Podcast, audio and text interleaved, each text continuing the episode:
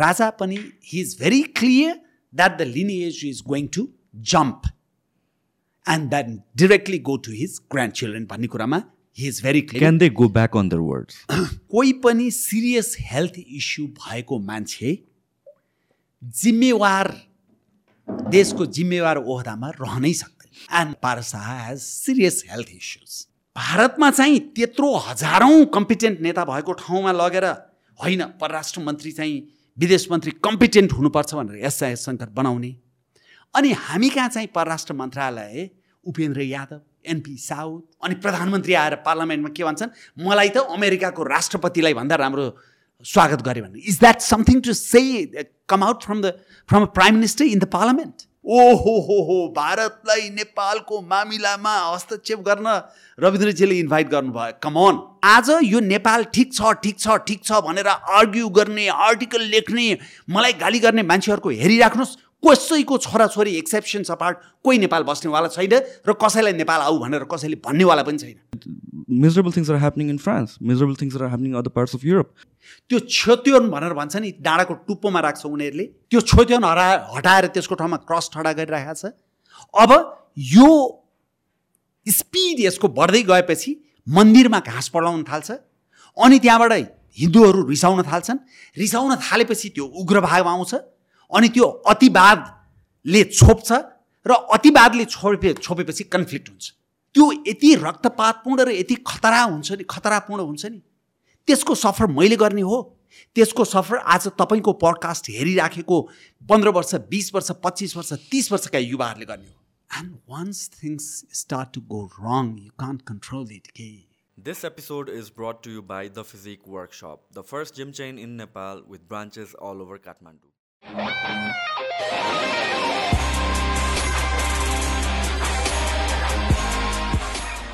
So हिजोको हाम्रो आर्टिकलबाट सुरु गरौँ न। एक्चुली किन त्यत्रो कतिजनाले तपाईँलाई सपोर्ट पनि गरेको छ कतिजनाबाट ब्याकल्यास पनि पाएको छ? खासमा त्यो आर्टिकलको जुन रियाक्सन भयो ट्विटरमा इज इट मिसअन्डरस्ट्यान्डिङको बेसिसमा हो जस्तो लाग्छ कि कि सबजनाको डिफ्रेन्ट आइडियोलोजीको बेसिसमा त्यो रियाक्सन हो? मिसअन्डरस्ट्यान्डिङ भन्दा पनि यो सोसाइटीलाई यसरी एउटा समूहले प्रशिक्षित गरेको छ जसलाई मैले विकृत वामवादीहरू भन्ने गर्छु होइन? उनीहरूले यसरी प्रशिक्षित गरेको छ कि आफूसँग नमिल्ने दृष्टिकोण त्यो चाहिँ खत्तम दृष्टिकोण हो त्यो नितान्त गलत हो र त्यस्ता दृष्टिकोण राख्ने मान्छेलाई चाहिँ डिमोनाइजै गर्नुपर्छ भन्ने किसिमको एउटा सोच हाबी भएको छ समाजमा। कतिपय सबै त म भन्दिनँ कतिपय त्यसको प्रतिक्रिया पनि हो। र त्यो आर्टिकलमा बेसिकल्ली मै मैले जोड दिएको कुरा के हो भनेदेखि मैले जोड दिएको कुरा के हो भनेदेखि बाह्र बुँदे सहमति जुन दिल्लीमा भारतले मेडिएट गरेर भयो। त्यो बाह्र बुँदे सहमतिपछि नेपालमा जे जति चेन्जेसहरू आए गणतन्त्र धर्मनिरपेक्षता सङ्घीयता जुन चेन्जेसहरू आयो र त्यसपछि जसरी शासन सत्ता अगाडि बढिराखेको छ त्यसले नेपालमा आन्तरिक रूपमा धेरै विचलन ल्यायो र जियो पोलिटिकल्ली पनि नेपाल यति सेन्सिटिभ भएर गइराखेको छ यो स्थितिमा भोलि गएर नेपालमा ठुलो क्राइसिस पर्न सक्छ र नेपाल चाहिँ अनम्यानेजेबल भएर गइरहेछ र अहिले भर्खर तपाईँले इकोनोमिस्ट ल मैले भने त नपत्याए भयो। इकोनोमिस्ट भनेको वर्ल्डमा सबैभन्दा रेस्पेक्टेड मध्येको पब्लिकेसन हो। त्यसले नेपाललाई फ्रजाइल अर फेल्ड स्टेटको रूपमा चित्रण गरेको छ। मैले फेल्ड स्टेट अथवा असफल राज्य चाहिँ भनेको छैन तर मैले निरन्तर यो एकदमै फ्रजाइल भएर गयो as a nation and as a state यो डिटेरियोरेट हुँदै गयो र एकदमै फ्रजाइल स्थितिमा पुगिसकेका छ।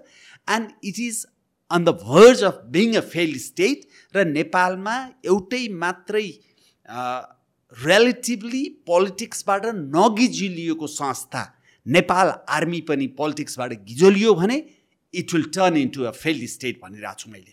हो त्यति संवेदनशील हुनाले मैले त्यो आर्टिकलमा भनेको के हो भने डेली तिमीहरूले मेडिएट गर्यो बाह्र बुँदे सहमति now you correct your course तिमीहरूले कोर्स करेक्सन गर्नै पर्छ। गरेनौ भने अबको नेपालमा कुनै पनि अस्थिरता नेपालले मात्रै फेस गर्दैन। एज अ नेबर र तिमीहरू as a country which has an ambition of being a super power you'll face the consequences as well भनेर मैले त्यसरी लेखेको अनि त्यहाँबाट यहाँका मेरो शब्दमा खोक्रा राष्ट्रवादीहरूले चाहिँ ओहो हो हो भारतलाई नेपालको मामिलामा हस्तक्षेप गर्न रविन्द्रजीले इन्भाइट गर्नुभयो। कमन सो त्यो कुरा चाहिँ मिसइन्टरप्रेट भएको हो जस्तो लाग्छ। हो यो पर्टिकुलर भएकै हो नि। भएकै। हो। भएकै हो। या। सो तपाईँको भनाइ चाहिँ खासमा के थियो? इन्टेन्ट चाहिँ के थियो when you're addressing like India किनभने अफकोर्स वी नो इन्डियाको पहिलादेखि नै अब यहाँ some sort of I mean like power छ इन्फ्लुएन्स छ.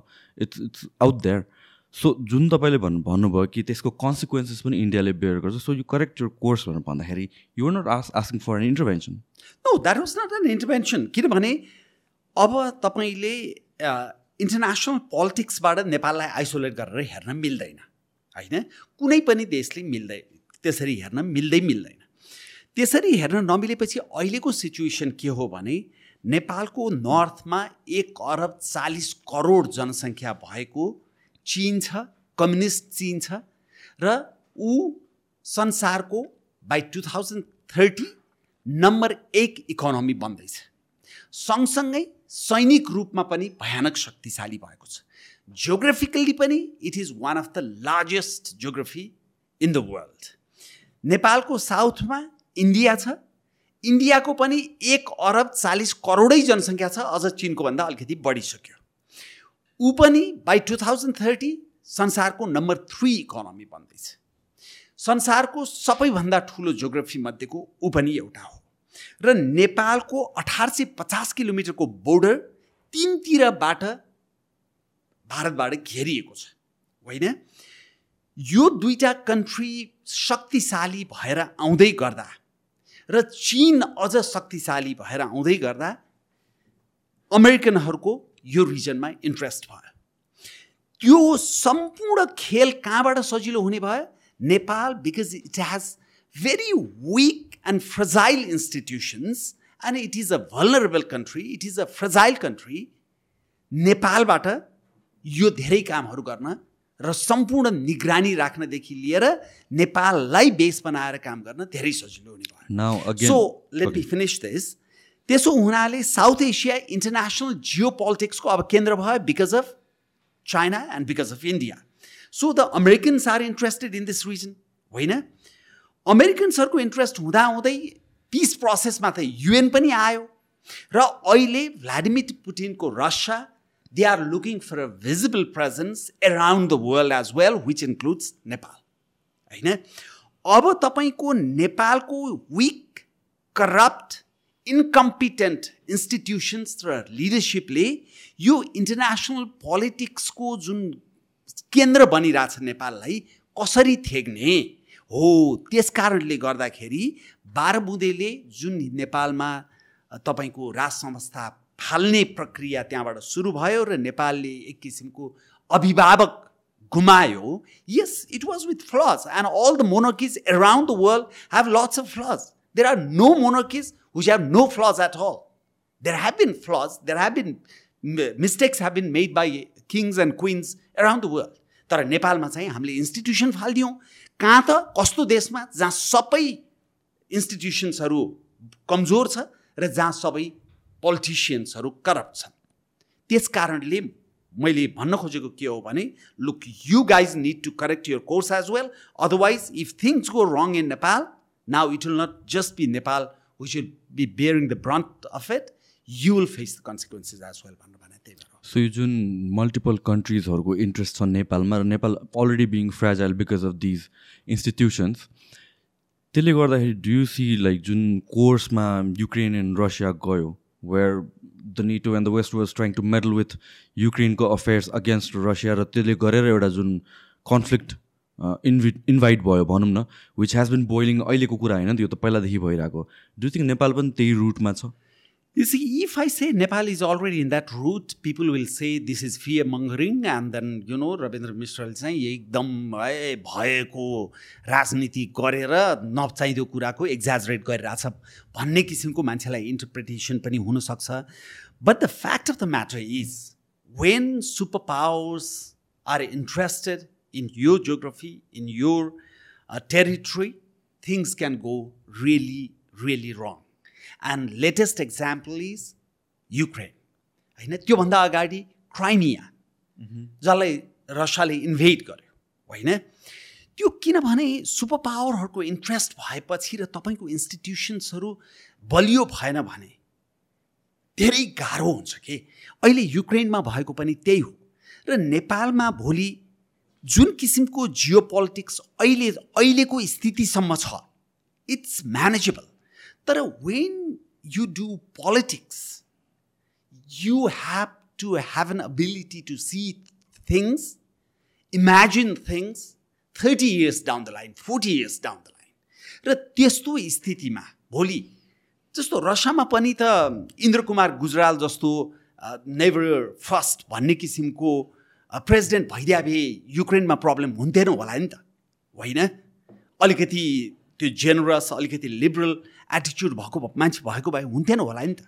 कि तर भोलि दुईतिर बनिराखेको सुपर पावरमा लिडरसिप कसरी चेन्ज हुन्छ यु नेभर नो त्यस्तो बेलामा नेपालमा अहिलेकै जस्तो विक प्रेसिडेन्टको इन्स्टिट्युसन हुने हो भने यु विक प्राइम मिनिस्टरको इन्स्टिट्युसन ब्युरोक्रेसीको इन्स्टिट्युसन अख्तियारको इन्स्टिट्युसन होइन पुलिसको इन्स्टिट्युसन र हुँदाहुँदा जुडिसियरीको इन्स्टिट्युसन समेत एकदमै विक भइरहेछ त्यही भएर त इकोनोमिस्टले फ्रजाइल अर फेल्ड स्टेट भनेर रातो लगाइदिएको कारण त्यही भएर त हो नि होइन? हो त्यस्तो बेलामा तपाईँले आन्तरिक शक्तिहरूलाई युनिफाइङ र युनाइटिङ एउटा फोर्स चाहिन्छ। र त्यो फोर्स भनेको तपाईँ र म हुँदैन के? यहाँ जनता जति ठुलो भनेर कुरा गरे पनि त्यो मोनर्कीको institution has a legacy of two hundred forty years and यो अहिलेको प्रेजेन्ट अब फालिको भए पनि मोनकको फो fathers created this country with the help of the people र उनीहरूलाई जुन किसिमको उनीहरूमा त्यो युनिफाइङ र त्यो पेट्रियोटिजमको फोर्स हुन्छ त्यो अरूमा हुँदैन। अहिले भर्खर न्युयोर्क टाइम्सको एकजना एकदमै वर्ल्ड वाइड तपाईँको रेस्पेक्टेड र फेमस कल कलमिस्ट छन् निकोलस क्रिस्टफ भन्ने उनले न्युयोर्क टाइम्सको कलममा लङ लिभ द किङ भनेर एउटा कलम लेखेका छन्। र what he has argued is वास्तवमा अहिले जहाँ चाहिँ झगै झगडा भएर गइराखेको र यो पोलराइजिङ ध्रुवीकृत भएर गएको देशहरूमा समाजमा वास्तवमा राज संस्था चाहिँदो रहेछ। बेलायतको जस्तो राजा सहितको राज संस्था सेरेमोनियल कन्स्टिट्युसनल राज संस्था चाहिँ चाहिँदो रहेछ। लङ लिभ द किङ भनेर तपाईँको कलम लेखेको छ। Is a fool is e a regressive person what is and what kind of progressive people we have in Nepal होइन and then we talk about you know एकदम democracy कि हामी we talk about बहुलवाद what is it when I mean am I creating any violence I am just arguing that the politic politics should not be done for my generation मैले त भन्ने गरेका छु म यो देशको माटोमा बाँचेँ भने र भगवान् दाइने भयो भने if I am lucky enough I may have another twenty years twenty five years and people like yourself you have to live in this country for another 40 years, another 50 years, and there are youths who are just 15, 20 years. They have to live in this country for another 50, 60, 70 years. And if you engage in politics, if we engage in politics, the honest politics should be about them, not about us, not about my generation. That is my point. Now, the problem I see is more tech conclusion that monarchy is the solution. Not that I don't support and it. You know, you don't have to. You No, don't no. have to. As a I, I, I don't Yeah. have any conclusions त्यो Yeah, कुरामा I exactly. Think यो कुराहरूमा चाहिँ अझ सोच्नु बाँकी छ म जस्तो मान्छेहरूले चाहिँ फुल पिक्चर मैले पाएको छुइनँ बट वर आई नो तपाईँले यही भनेको ठाउँमा म तपाईँलाई अलिकति इन्टरप्ट. गरौँ है। म जस्तो मान्छेले फुल पिक्चर पाएको छैन भन्नुभयो नि। बाँकी छ। बाँकी छ भन्नुभयो नि। हो अब नेपालमा सबैभन्दा ठुलो समस्या यही भयो तपाईँको जेनेरेसनलाई हिस्ट्री अब्जेक्टिभली पढाइएकै छैन। हिस्ट्री पढाउने टिचर्सहरू प्रोफेसर्सहरू they are all biased they are politically motivated and lots of them are incompetent अनि उनीहरूले आफ्नो ओपिनियन अनुसार हिस्ट्री इन्टरप्रेट गरेर तपाईँहरूलाई पढाइराखेको छ। So you don't actually know the value of the institution that has been thrown up thrown away from Nepal किनभने तपाईँहरूलाई त्यो सिकाउँदै सिकाइएन। तपाईँहरूलाई के सिकाइयो भने ओ हो हो लोकतन्त्रमा त बोल्न पाउनुपर्छ जे भने नि हुनुपर्छ कसैले कसैलाई टेर्दैन। युनिभर्सिटीमा विद्यार्थीले गएर प्रोफेसरलाई कालो मुसो दल्छ। हेलमेटले हिर्काउँछ। अस्ति भर्खर मैले पोलिटिकल साइन्सको प्रोफेसरसँग कुरा गरेँ। दुई सयजना स्टुडेन्ट मास्टर्स गरिराखेका छ टियुमा। जम्मा छजना लेक्चरर छन्। एकजना मात्रै प्रोफेसर छ। चालिसजना अर्कोले एमफिल गरिराखेको छ। प्रोफेसर जम्मा एकजना छ। प्रोफेसर्सहरू छैन। हिस्ट्रीको हिस्ट्री जस्तो महत्त्वपूर्ण डिपार्टमेन्टमा जुन सोसाइटीले हिस्ट्री अब्जेक्टिभली पढ्दैन त्यो सोसाइटी कहिले पनि मच्योर हुँदैन। त्यो सोसाइटीले कहिले पनि ब्यालेन्स जजमेन्ट गर्नै सक्दैन। हिस्ट्रीमा स्टुडेन्ट नै छैन। जबकि बेलायतमा अक्सफोर्डमा हिस्ट्री यति ठुलो महत्त्व दिएको विषय हो अथवा कुनै पनि महत्त्वपूर्ण विश्वविद्यालयमा। त्यो कारणले गर्दा के भइरहेछ? तपाईँहरूको जेनेरेसनमा एकदम गलत इन्फर्मेसन प्रभाव भइरहेछ। तपाईँहरूको जेनेरेसनलाई एकदम बायस बनाइएको छ। र तपाईँको यो पडकास्ट जसको मलाई लाग्छ लिसनरसिप भ्युरसिप चाहिँ it is probably between fifteen twenty years and maybe forty years होइन? त्यो जेनेरेसनको मान्छेले के बुझ्नु पर्यो भने अहिलेको राजनीति एकदम ओभरवेल्म भएर हाई हाई गरेर पनि उहाँहरूले हिँड्नु भएन। अहिलेको राजनीतिले भोलि मलाई कस्तो असर पार्छ भनेर सोच्नु पर्यो। र त्यो जजमेन्ट त्यो जेनेरेसनको मान्छेले नगर्ने हो भने this country is already virtually unliveable unliveable for lots of people र तपाईँको जेनेरेसन तपाईँको भन्दा मुनिको जेनेरेसनको मान्छे त यहाँ कोही बस्नै चाहँदैन। जति बद्ध जिद्दी गरौँ न हामी जति फ्याक्ट्स एन्ड फिगर्स देखाउँ न यो निराशा सृजना गर्न खोजेको होइन। तर हामीले के बुझ्नु पर्यो भने तपाईँ र तपाईँभन्दा मुनिको पुस्ताको लागि यो देश बस्न योग्य बनाउनको लागि हामीले धेरै कुरा विचार गर्नुपर्नेछ न आई अन्डरस्ट्यान्ड तपाईँले भन्नु कुरा र आई फिल लकी कि मेरो जेनेरेसन मेरो जेनेरेसन नै एक्ज्याक्टली त नभनौँ तर म र मभन्दा कपाल अफ इयर्स पछाडिको people who actually grew up we were like a bridging factor एउटा in a sense that I think we were the last classes couple of years जहाँ चाहिँ हिस्ट्री थियो राजाहरूको बारेमा हिस्ट्रीहरू थियो जुन म बुझाएअनुसारले अहिले छैन। मैले भन्न खोजेको कुरा के भनेर भनेपछि यो कुरामा चाहिँ आई होल्ड माई रेजर्भेसन्स किनभने आई फिल लाइक जे पनि कुरामा कन्क्लुजन मैले दिइहाल्नु हुँदैन अहिले नै। बट आई थिङ्क टु जुन तपाईँले भन्नुभयो नि त फियर मङ्गरिङ तपाईँले if the state is failing or it's being sensitive जो पोलिटिकली भन्दाखेरि त्यो फियर मङ्गरिङ हो भनेर भन्ने मान्छेहरू I think it's common knowledge I think सबैले एक्सेप्ट गरिसक्यो कि पोलिटिक्स यहाँतिर चाहिँ इट्स करप्टेड पैसाको मात्र कुरा भने होइन यहाँतिर पावरको कुरामा पनि भनेको वी आर फ्रेजाइल जसले जहाँ मुभ गर्न खोज्यो त्यो मुभ गर्न गरिरहेको छ भनेर त आई थिङ्क सबले रियलाइज गरिसक्यो भएन होइन? So how is that fear mongering when we are just stating facts जे हो त्यो त बोल्न सक्नु पऱ्यो नि त। वी हेभ अ प्रब्लम भनेर प्रब्लम त एड्रेस गर्न सक्नु पऱ्यो सल्युसन्समा वी क्यान डिसअग्री सल्यु त्यस डिसअग्रिमेन्ट भएपछि we discuss and come to a conclusion तर we cannot deny the white elephant in the room that is problem does exist we are in a sensitive place र जुन हिस्ट्रीको इम्पोर्टेन्सको कुरा भन्नुभयो this is something I been telling for long time history is what unites us जुन sense of pride जुन sense of belongingness छ त्यो त हिस्ट्रीले गरेर आउने हो नि त। Countries like America which is like two hundred something years old they are proud of their history हामी त thousands of years old history छ नि त। We are one of the oldest and when there was no country called america exactly. we already have our darbar squares here. Exactly. So अब यो जुन यो प्रब्लम्सहरू छ यिनीहरूलाई डिनाइ नै गरेर त त्यो I don't think it's going to be white vast अब त त्यो फ्लड गेट्स ओपन भइसक्यो त।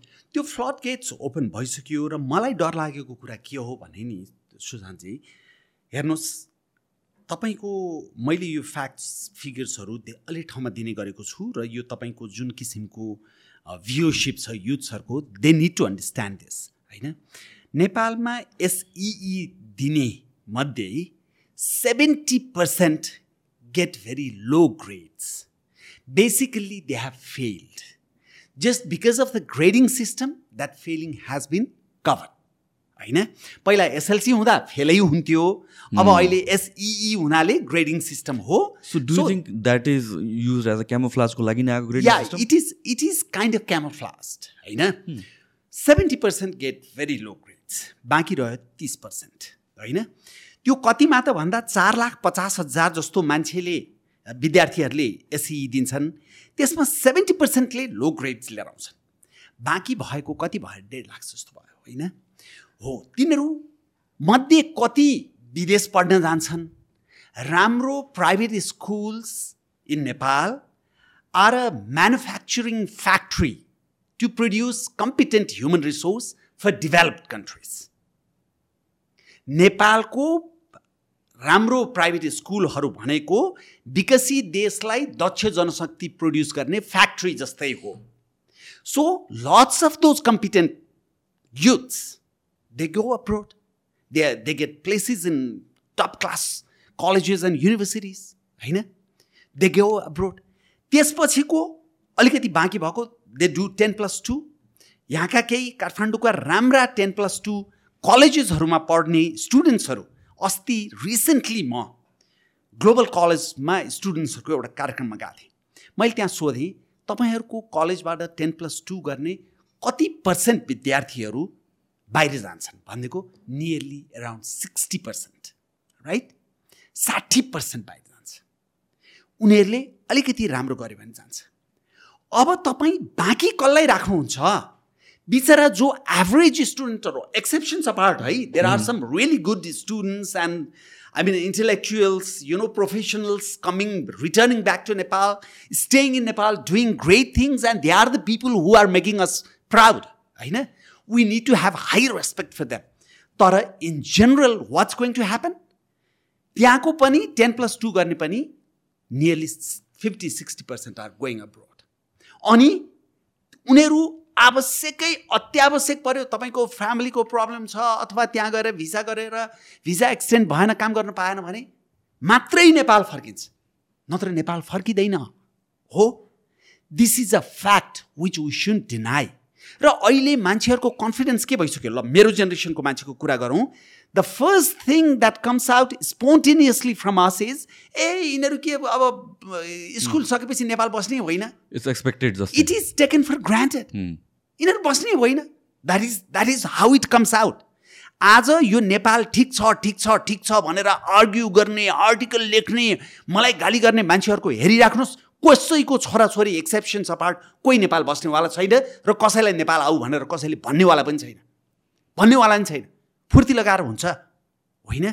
त्यस कारणले गर्दाखेरि यो सिचुएसनलाई बुझेर राजनीति गरौँ र यो सिचुएसनलाई बुझेर राजनीति गर्ने भनेको के हो सुशान्तजी भने we are on the wrong track let's accept it let's accept it मैले मेरो कुरा मात्रै गरेको होइन। इकोनोमिस्ट कुनै बायस्ड यहाँको झोले तपाईँको प्राज्ञ झोले नागरिक समाज र झोले पत्रकारको जस्तो इकोनोमिस्टका पत्रकारहरू होइनन् होइन?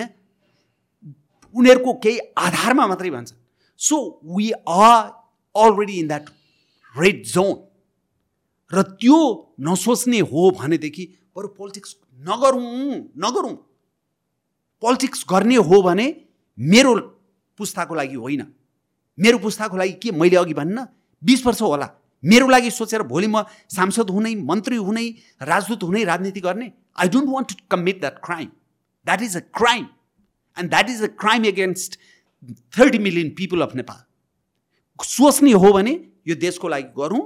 अब सकिएन ऊ जनताले हराइदियो भने I accept it so that's fine so let's let's take look at your article एकचोटि तलतिर छ.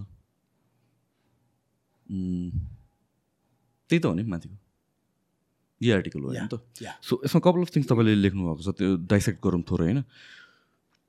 जुन तपाईँले भेरिएबल्सहरू मेन्सन गर्नुभएको छ वान बिङ नेपालमा मोनार्की चाहिन्छ। हो।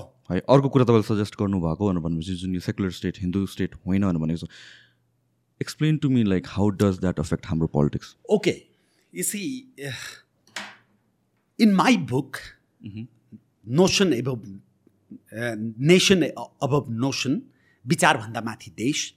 मैले त्यहाँ क्लियरली के लेखेको छु भने personally personally as far as I am concern I am a republican I am a meritocrat किनभने मेरिटोक्रेसी र monarchy it conflicts meritocracy believes in competency र कर्मसिद्ध अधिकारमा विश्वास गर्छ।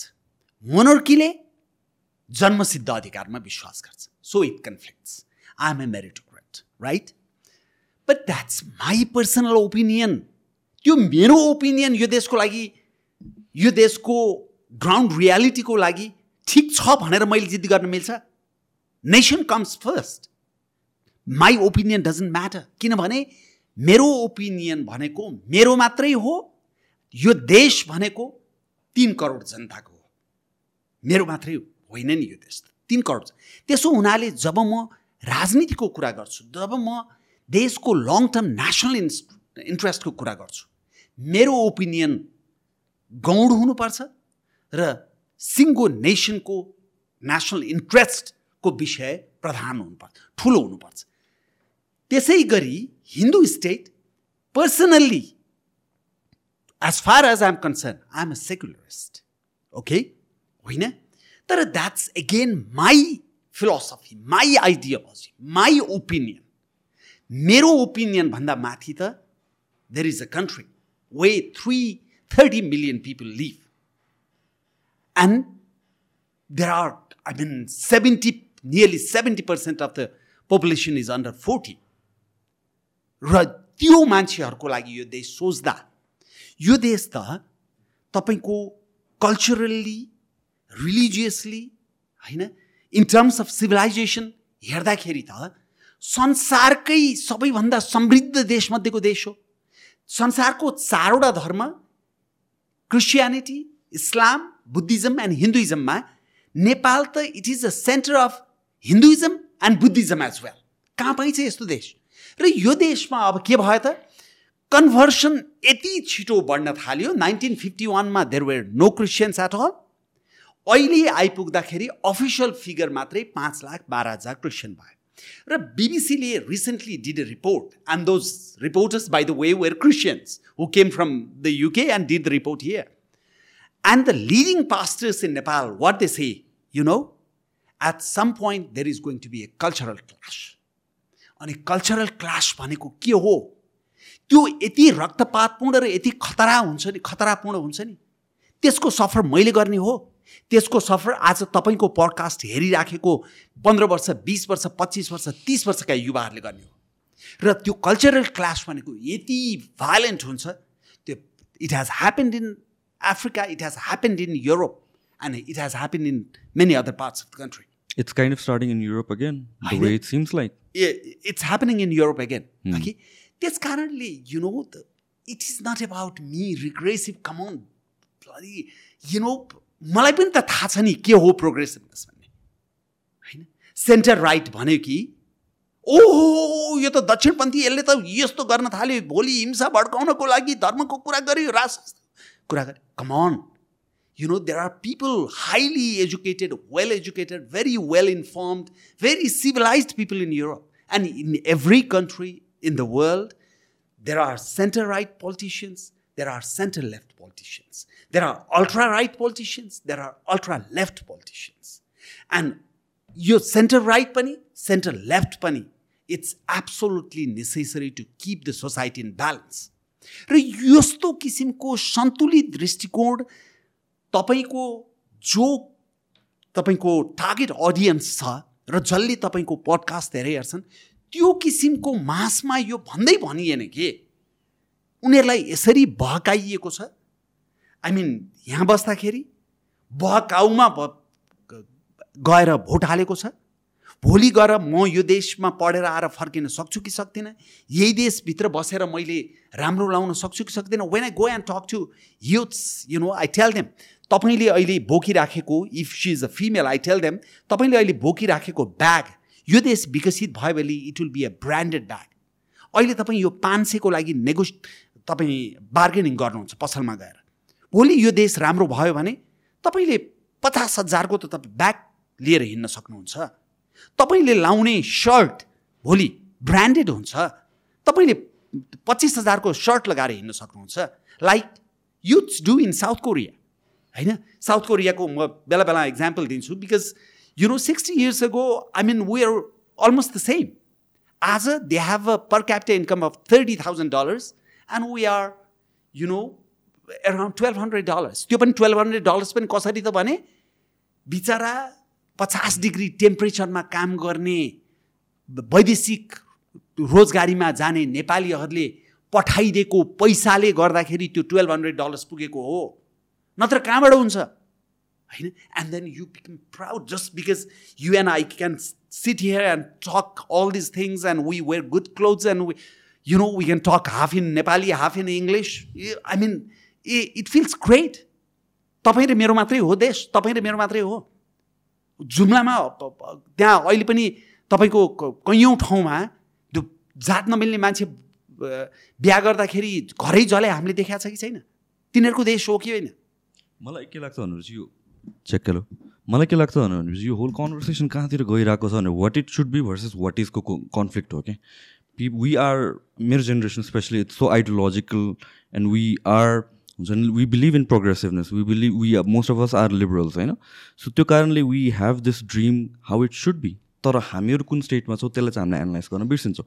Same thing with when it comes to religion of course सबै साइडको मान्छेहरू एउटै साइड ठाउँमा मिलेर बस्न सक्ने हो भने त राम्रो हो। तर रियालिटी के के हो भनेर पनि बुझ्नु पऱ्यो हाम्रो स्टेट के छ त हामीहरू? होइन जुन युरोपमा भयो जुन अहिले फेरि भइरहेछ भनेर भन्छौँ नि त।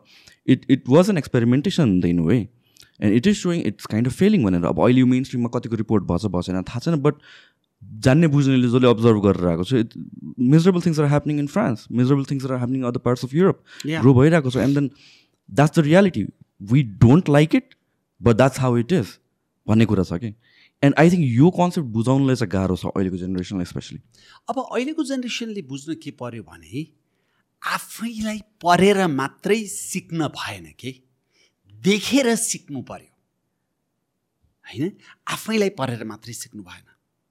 र उनीहरूले के कुरा बुझ्नु पर्यो भने उनीहरूले हाल्ने भोट उनीहरूले बिस वर्ष पछिको नेपाल कस्तो कस्तो इमेजिन गरेको छ भनेर त्यसरी भोट हाल्नु पर्यो। अहिले त सिचुएसन नेपालको पोलिटिक्स कस्तो हुन थाल्यो भने ट्विटरमा hashtag. You know from the frying pan into the fire भन्छ नि। We are oscillating between from the frying pan into the fire and from the fire back into the frying pan so this this is what's happening अहिले फ्रान्समा I don't people know it or not यो मात्र होइन अझ अझ scroll गर the kind of burning and everything चाहिँ भइरहेको छ। ब्याक गर तिमी एउटै पोस्टमा छौ। ब्याक जाऊ। स्क्रल गर त्यहाँ तल तल तल तल तल तल अझ अझ तल अझ तल। अझ तल अझ तल अझ तल अझ तल यो हेर। Kind of things that's happening अझ तल। ब्याक गर। अब अब तपाईँले यो देखाउँदाखेरि यहाँका प्रोग्रेसिभ्सहरूले के भन्छ थाहा छ? दिस इज फियर मङ्गारिङ भनेर भन्छन्।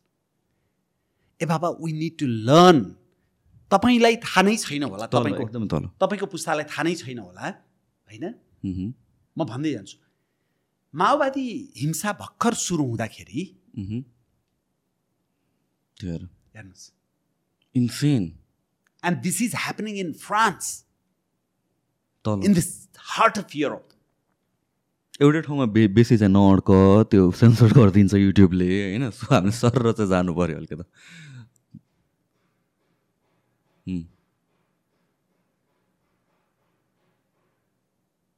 यो Okay, so back to the conversation. You see, and this is happening in France. One of the most advanced societies. One of the, one of the most advanced societies, culturally very rich, होइन And once things start to go wrong, you can't control it, okay? And you have to. France government is trying to control you it. Have to, you have to think think out things in advance. That is what I'm trying to do. मलाई थाहा छ मैले गाली खाइरहेको छु दिन रात गाली खाइरहेको छु मलाई थाहा छ तर म किन यसलाई थ्याक्न सक्छु भने I'm not doing it for me मेरै लागि गर्ने हो भने अस्ति मैले म र साथीहरू मिलेर सुरु गरेको पार्टीबाट मैले छोडेपछि when I change my mind होइन? When I change my opinion मैले छोडेपछि मलाई ठुलो पार्टीहरूले आउनुहोस् अब तपाईँ हामीसँगै चुनाव लड्नुहोस् नभनेका होइन। नयाँ पार्टीहरूले नबनेका होइन। मैले जित्थेँ नि। मैले यस्तो सबैले रिग्रेसिभ भने एजेन्डा लिएर त झन्डै झन्डै जितेको थिएँ एक सय पच्चिस भोटले मात्रै हारेँ होइन? मैले जित्थेँ मैले जितेको भए म के हुन्थेँ? हुन्थेँ। तर you know I I take it as a crime to be self centred in in you know doing politics राजनीतिमा सेल्फ सेन्टर हुनु भनेको इट्स अ क्राइम किनभने तपाईँले काठमाडौँमा भ्रष्टाचार गर्दा सप्तरीको गाउँको मान्छे खान नपाएर मरेर आउँछ। कालीकोटको गाउँको मान्छे खान नपाएर मरेर आउँछ। तपाईँले गरेको भ्रष्टाचारको कारणले गर्दा तपाईँको सेल्फ सेन्टर्डनेसको कारणले गर्दा तपाईँको भेस्टेड इन्ट्रेस्टको कारणले गर्दा र त्यो नगरौँ र यो अहिले तपाईँले जुन भाइलेन्स देखाउनु भयो म अघि माओवादी आन्दोलन सुरु हुँदाखेरि द्वन्द्व सुरु हुँदाको कुरा गर्दै थिएँ। त्यो सुरु भयो जम्मा दुईवटा भरुवा बन्दुक लिएर सुरु गरेँ होइन? मान्छे मार्न थालेँ। धेरै साथीहरूले it's just a paper tiger यो ठिक भइहाल्छ ठिक भइहाल्छ ठिक भइहाल्छ। र पछिसम्म पनि काठमाडौँको मान्छेहरू जस्टिफाई नै गर्न खोज्दै थिए। जब काठमाडौँलाई टच गऱ्यो नि तपाईँ र हामी जस्तो स्टुडियोमा बसेर एकदम आदर्शका कुरा गर्नेहरूलाई टच गर्न थाल्यो नि that is when there is care things are really going wrong manner you know but by then it was too late by then it was too late होइन? त्यसपछि पोलिटिकल कोर्स अनएक्सपेक्टेडली दरबार हत्याकाण्ड भयो होइन? King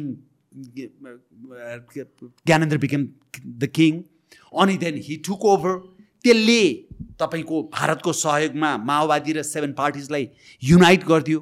कि त्यो course नै अर्को डिरेक्सनमा गयो। अदरवाइज यु नो यो कुराहरू तपाईँले समयमै सोच्नु भएन भने र फेरि पनि मैले दोहोऱ्याएँ नेपालको internal dynamics is getting very, very vulnerable in terms of governance, in, in terms of institutions, in terms of religious sensitivities, ethnic sensitivities, होइन र त्यस्तो सेन्सिटिभ भइराखेको ठाउँमा जहाँ हरेक दिन दुई हजार युवाहरू देशबाट देश छोडेर जान्छन् र सकभर फर्किँदै फर्किँदैनन् र best of the brains exceptions apart are working in Europe and America and Australia and Japan and developed countries. यस्तो ठाउँको दुईतिरको देश are getting extremely powerful because they are getting powerful the West is inter interested in the region र यो सबै super पावरको play ground बनेपछि तपाईँले हेर्नुहोस् यु कान्ट ह्यान्डल इट तपाईँलाई सानो एउटा कुरा भनौँ। भारतमा बिजेपीको सरकार छ। बिजेपी पार्टी इट्सेल्फमा त्यहाँ फोरेन मिनिस्टर हुन सक्ने क्षमताका सयौँ होइन हजारौँ नेता थिए होला। हजारौँ नेता थिए होला। तर किन एस जयशङ्कर जो फर्मर फोरेन सेक्रेटरी हो who is an expert in foreign relations who is a career diplomat उसलाई लगेर परराष्ट्र मन्त्री विदेश मन्त्री किन बनायो होइन? र उस उनको अहिले इन्फ्लुएन्स कस्तो छ इन्टरनेसनल पोलिटिक्समा भारतमा चाहिँ त्यत्रो हजारौँ कम्पिटेन्ट नेता भएको ठाउँमा लगेर होइन परराष्ट्र मन्त्री चाहिँ विदेश मन्त्री कम्पिटेन्ट हुनुपर्छ भनेर एस जयशङ्कर बनाउने। अनि हामी कहाँ चाहिँ परराष्ट्र मन्त्रालय Upendra Yadav NP south I am sorry to name these names but it's it's I mean I have to and there are lots of other other leaders तिनीहरूले अनि परराष्ट्र मन्त्रालय यस्तो सेन्सिटिभ जियो पोलिटिक्सको केन्द्रमा बसेर उनीहरूले परराष्ट्र मन्त्रालय ह्यान्डल गर्ने? एस जयशङ्करसँग गएर आँखामा आँखा जुदाएर कति मिनट कुरा गर्न सक्छन्? सक्छन्? अमेरिकन चाइनिज फोरेन मिनिस्टरसँग बसेर कुरा गर्न सक्छन्? What knowledge they have what competency they have सोच्नुपर्छ कि पर्दैन? अनि त्यो नसोच्दा के त? तपाईँको तपाईँको पुस्ता र तपाईँको भन्दा मुनिको पुस्ताले दुःख पाउने भयो हाम्रो पुस्ता त दुःख पायो यतिकै गजब भयो ओहो पञ्चायत ढाल्यौँ त्यहाँबाट राजाको शासन ढाल्यौँ त्यहाँबाट गणतन्त्र ल्यायौँ भनेर त्यत्तिकै मजा आएर तपाईँ र हामी जस्तो मान्छेलाई खान पुगेकै छ एउटा मोटर चढेर हिँड्न पुगेकै छ यसै गरी आएर स्टुडियोमा भाषण दिन पुगेकै छ। It's so great for us so since we are already talking about naming names foreign ministry हुनुपर्नेको चाहिँ कसको हातमा हो? There are certain ministries like finance and foreign. It has to be highly competent people.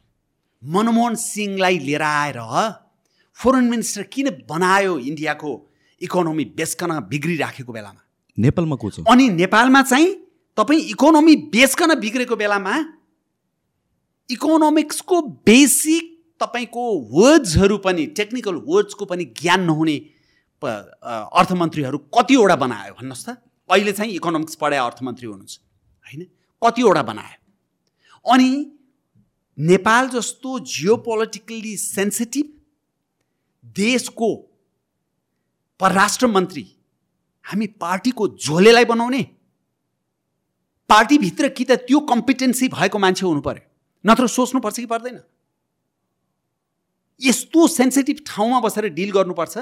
अनि त्यहाँबाट विदेश यात्रा गर्यो अनि प्रधानमन्त्री आएर पार्लियामेन्टमा के भन्छन् मलाई त अमेरिकाको राष्ट्रपतिलाई भन्दा राम्रो स्वागत गरे भने is that something to say come out from the from a prime minister in the parliament बोल्न कुन तहको कुरा गरिरहेछौँ हामी हेर्नुहोस्।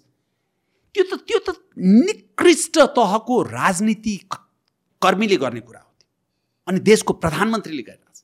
देशको प्रधानमन्त्री अहिले के भनिरहेछन् प्रितम सिंहले मलाई प्रधानमन्त्री बनाउन कतिचोटि दिल्ली भ्रमण गर्नुभयो। मैले त्यहाँ अस्ति दुई दिन अगाडि लेखेँ। त्योभन्दा अगाडि अलिअलि आलोचना मात्रै भएको थियो। मैले के लेखेँ भने यो ट्रिजन हो। नेपालको संविधानले सार्वभौम सत्ता sovereignty lies in the people भनेर भनेको छ। तर नेपालको प्रधानमन्त्री चाहिँ मलाई प्रितम सिंहले प्रधानमन्त्री बनाउन धेरैचोटि भारत भ्रमण गर्नुभयो भन्दैछ। दिस इज ट्रिजन र पार्लियामेन्ट चाहिँ यो प्रधानमन्त्रीले राजीनामा नदिएसम्म अन्त भएदेखि पार्लियामेन्टै चल्थेन भनेर सो हिजो let's into this Pritam Singh चाहिँ को? यो यो वाट एभर ह्यापन हिजो पार्लियामेन्ट स्टप नै भयो। नेपालमा सबैभन्दा पहिला आएको सरदारजी हुनुहुन्छ एकजना। होइन? जसले यहाँ आएर व्यवसाय सुरु गर्नुभयो। उहाँको बारेमा लेखिएको एउटा पुस्तकको विमोचन हुँदाखेरि प्रधानमन्त्रीले कुरा हो प्रितम सिंहले चाहिँ मलाई प्रधानमन्त्री बनाउन धेरैचोटि यसरी भारत जानुभयो भनेर भन्नुभयो होइन? यसै are really bad in the name of democracy let's not try to defend everything है in the name of saving the republic let's not try to defend all this things because that will be in a way supporting a crime against humanity crime against humanity भनेको you don't have to directly go and kill people when the state machinery is really corrupt र त्यसको impact चाहिँ तपाईँको गरिब जनतामा पर्छ र बिस हजारको बिल तिर्न नसकेर तिन तला माथिबाट एकजना बिरामी हाम फालेर मर्छ। त्यो क्राइम एगेन्स्ट ह्युम्यानिटी नै हो। होइन? को एउटा आमाले बच्चालाई खुवाउन नसकेर कर्णालीमा बच्चासहित हाम फालेर मर्छ। त्यो यु कान्ट से द्याट अँ हामीले लगेर धकेल्या हो र भन्न पाइँदैन। That's a crime against humanity कि त्यस कारणले गर्दाखेरि यस्ता कुराहरू अब गरेको हो तर अनफर्चुनेटली चुनाव हारेको हो सुशान्तजी होइन?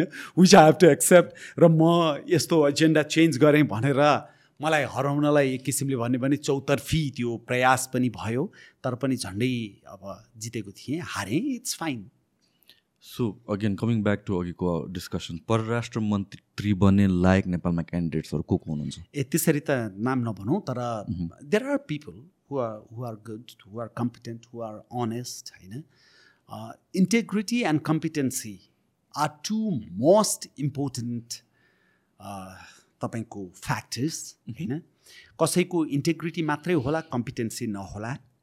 तर कसैको कम्पिटेन्सी मात्रै भयो इन्टेग्रिटी भएन भने त्यो मान्छेले झन् धेरै नराम्रो काम गर्छ। किनभने he knows all the tricks होइन एन्ड ट्रेड्स अनि त्यस कारणले इन्टेग्रिटी पनि भएको कम्पिटेन्सी पनि भएको र त्यो सेन्स अफ पेट्रोटिजम पनि भएको मान्छेहरू छन् नेपालमा नभएको होइन।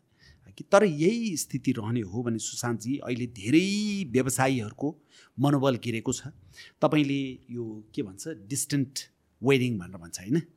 आजकल डिस्टेन्ट वेडिङमा तपाईँको? Destination.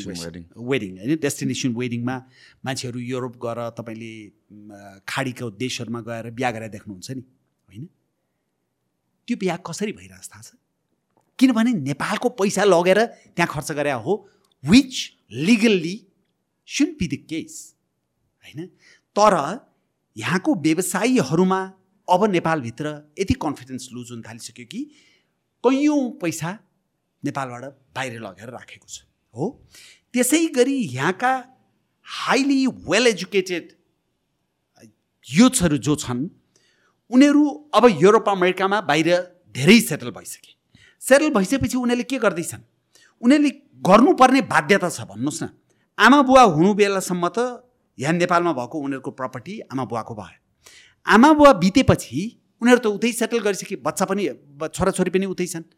So what they come is they come here they sell the property and they take the money through hundi किनभने legally you can't take the money out of the country हुन्डीबाट लिएर त this is happening अहिले तपाईँको मैले भने नि व्यवसायीहरूले लगेर धेरै पैसा बाहिर राखिरहेको सक्ने जति सबैले छोराछोरी बाहिर पढाइराखेको छ। है कि अब नेपालभित्रको कुरा गर्नुभयो भने तपाईँको लोन टु जिडिपी रेसियो भनेर भन्छ होइन? अहिले फोर्टी थ्री पर्सेन्ट छ that's already touching the red line कि अब त्यो फोर्टी थ्री पर्सेन्ट के हुन्छ?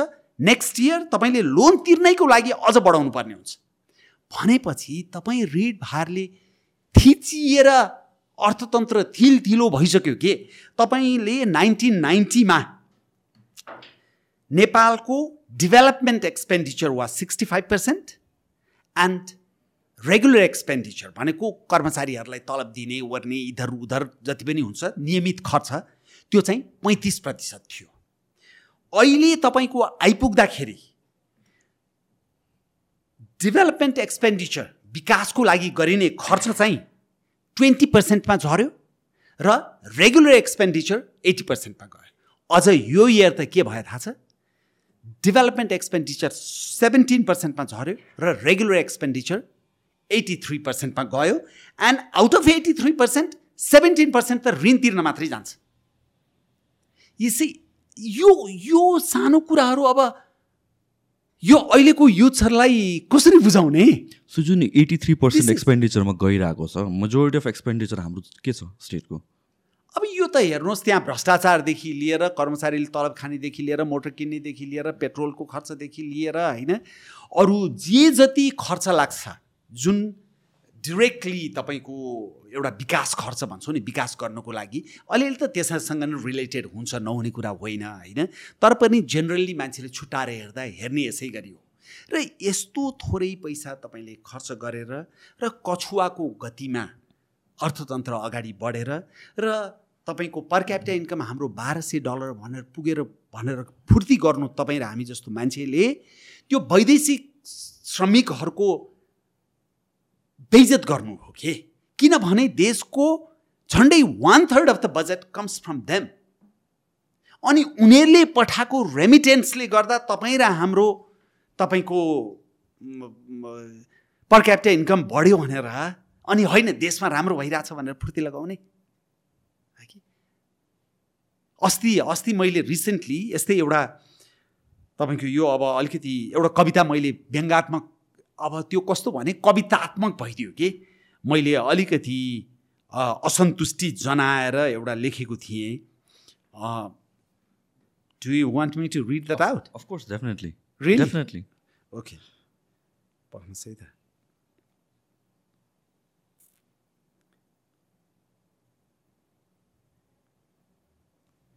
यसलाई मैले पहिला फ्लाइट मोडबाट झिकेर have to open it and then